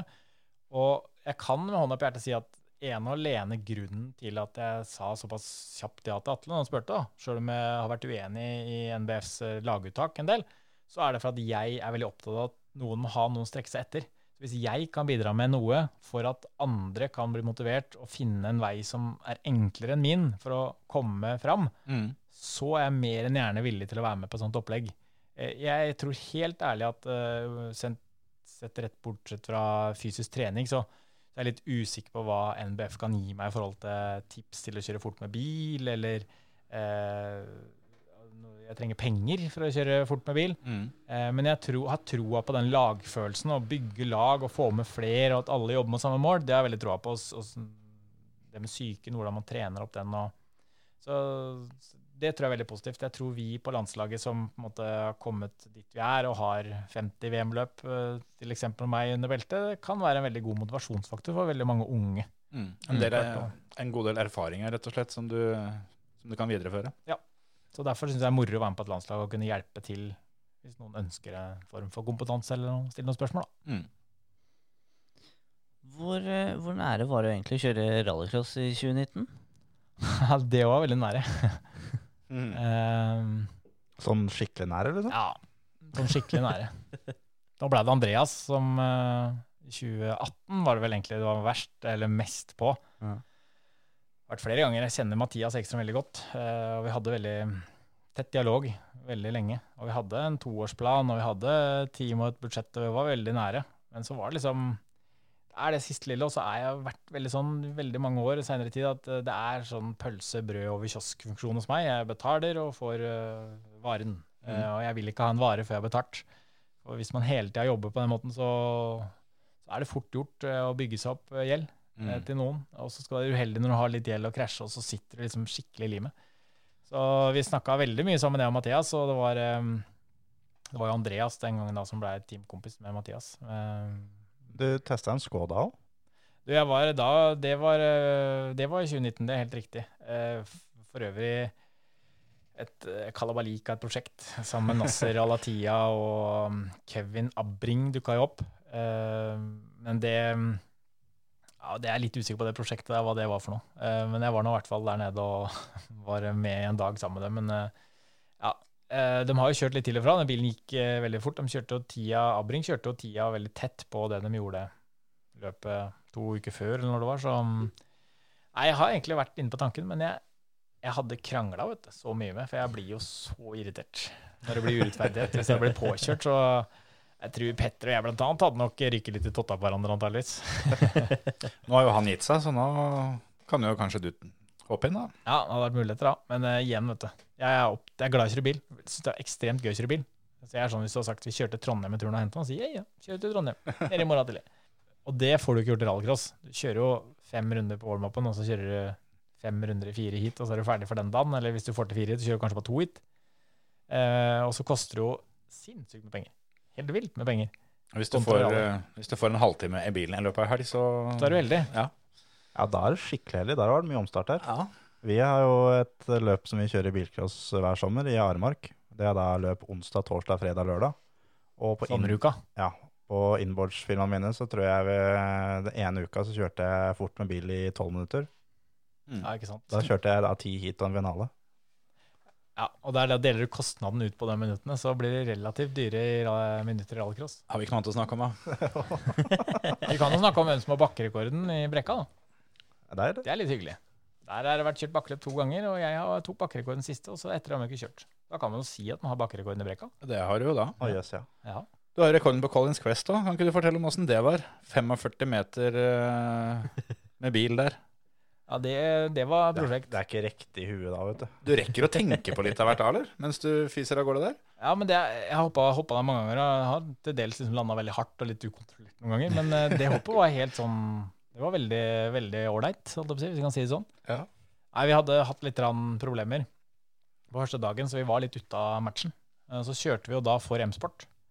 Eh, Så det, var liksom M-sport World Rally Team som vi var meldt på, og så tenkte jeg at ja, nå fikk jeg jo ikke hjelpa dem med resultat, så jeg kan jo i hvert fall prøve å ta en rekord. Så vi var enige om det, Fredriksson og jeg, da, at kommer vi dit, og liksom det treffer, for du må treffe. Du kommer langs vannet, og så er det to venstresvinger, og så er det en lang høyre, og så går du opp mot hoppet. Så var det grus mye den sesongen, så jeg tenkte, eller det året. Så jeg tenkte at uh, treffer vi der, så prøver vi. Mm. Så sier jeg vel sånn til Fredriksson, vi nærmer oss de to venstre, så bare, skal vi prøve? Ja, svensken da. Og da dro han til belten liksom bortover der da. Og han trenger jo ikke å lese noter, for jeg, den, altså Vargåsen kan jeg jo i blinde. Så var det bare å treffe veldig godt, jeg fikk liksom skikkelig fart. Jeg kjente at nå er det fart, og så er det bare å holde høyre og gå venstre over det hoppet. Og da, helt, jeg måtte flytte venstrebeinet fysisk, altså. Helt Ja. flytta det vekk og ut den lille holderen til å ha beinet på. Fordi jeg Sitter det på bremsen, så bremser du. Det er jo et eller annet kommunikasjonsgreier her Ja, ja. sier at Det er et- brems. Det er det som heter overlevelsesinstinkt. Ja, det kicker inn. Så for å overvinne det, så må du flytte beinet fysisk. Så sikte godt, og det landa kjempefint. Og det, tida på prøva var ikke så gæren heller. Det var liksom helt prima, det. det var, uh, Terje Neville trodde jo ikke på det. Nei. Når vi kom i morgen, at jeg hadde tatt rekorden. Uh, han mente at ikke det var mulig med en R5. Så jeg sa du kan gjerne sitte på. Ta en tur til. Skal vi se om jeg klarer 46 meter. ja. Nei, det er uh, var det du satt den? 2017 eller noe sånt? 16? 16, vel? 16. ja, 16, og den tror jeg faktisk står litt fordi at aerodynamikken blir bare større og større. Ja, det er jo det. At det er gode muligheter for at den eh, blir stående en stund, den, der, eh, den rekorden der. Ja, det er faktisk en av de premiene som på en måte eh, henger litt høyt, da, for det er liksom Colin McRae Award. Altså det er en, Mm. Colin har liksom prøvd å hoppe langt der en gang, så det er litt hyggelig. Ja, det var jo I fjor så hoppa Meek 41. Det er jo ingenting. Det er jo kort. Ja, jeg tror det er vanskelig. Så lenge det er snø, så får du ikke nok fart. Mm. Eh, Fordi det er såpass glatt da, før der, og du skal ha såpass med fart. Så jeg husker ikke akkurat farta vi hadde, men jeg hadde god fart. Ja, det vet du. Men eh, gutter, vi har jo en konkurranse som vi skal kåre en vinner i, da. Ja, som det. eh, Stian Sørli var med og satte opp når vi hadde den her. Og um, Han sponsa premie, eller? han. han sponsa premie. Det er en premie som du eh, hadde trengt nå som du skal få deg rigg, vet du. Vi har da et, eh, et racingratt. Ja, det, absolutt. Det trenger jeg, for nå har jeg en sånn rattbase uten ratt. Ja, så det, Det er litt vanskelig å kjøre med. Det er veldig vanskelig å kjøre med. Da må du ha Vice-kryptang. Ja, det, det, det har jeg kjørt med før. det er eh, den eh, som du nevnte før vi begynte å spille den her. Hvis du rekker å poste den nå på da 16 sekunder, for jeg sier hvem som vinner, så kanskje du vinner, du. Ja, det, det, det, går, det går nok ikke. Men der har vi også fått inn eh, ganske mye mm, bra bidrag. Og hele greia var beste pressekonferanse, intervju, eh, motorsportskommentarer, eh. Mm. Og jeg hadde egentlig litt lyst til å poste en sjøl av Eivind. Fra Hadeland et år, eller noe sånt. Som eh, blir da intervjua av en reporter som vi kjenner veldig godt, av Philip Poverud. Som eh, Philip ikke har fulgt med så veldig på Tine. Og sier at ja, Eivind, det er jo ikke bra. Det her gikk jo ikke bra, vet du. Jeg blir jo frakjørt med 7-8 sekunder. Det er ikke bra, skjønner du. Og da er det rett fra levra. Den hadde jeg ikke tenkt å poste sjøl, men det, det gjorde jeg ikke. Viktig å få skolert gutta litt. Ja, ja, ja. Rett fra levra er bra. Philip er litt spak enda for akkurat det der. Men jeg har da snakka med Stian, som uh, satte opp konkurransen, og vi har blitt enige om at det er uh, Vegard Johannessen som vinner med klippet hvor Sebastian Vettel prøver å være Kimi Raikkonen. Ja.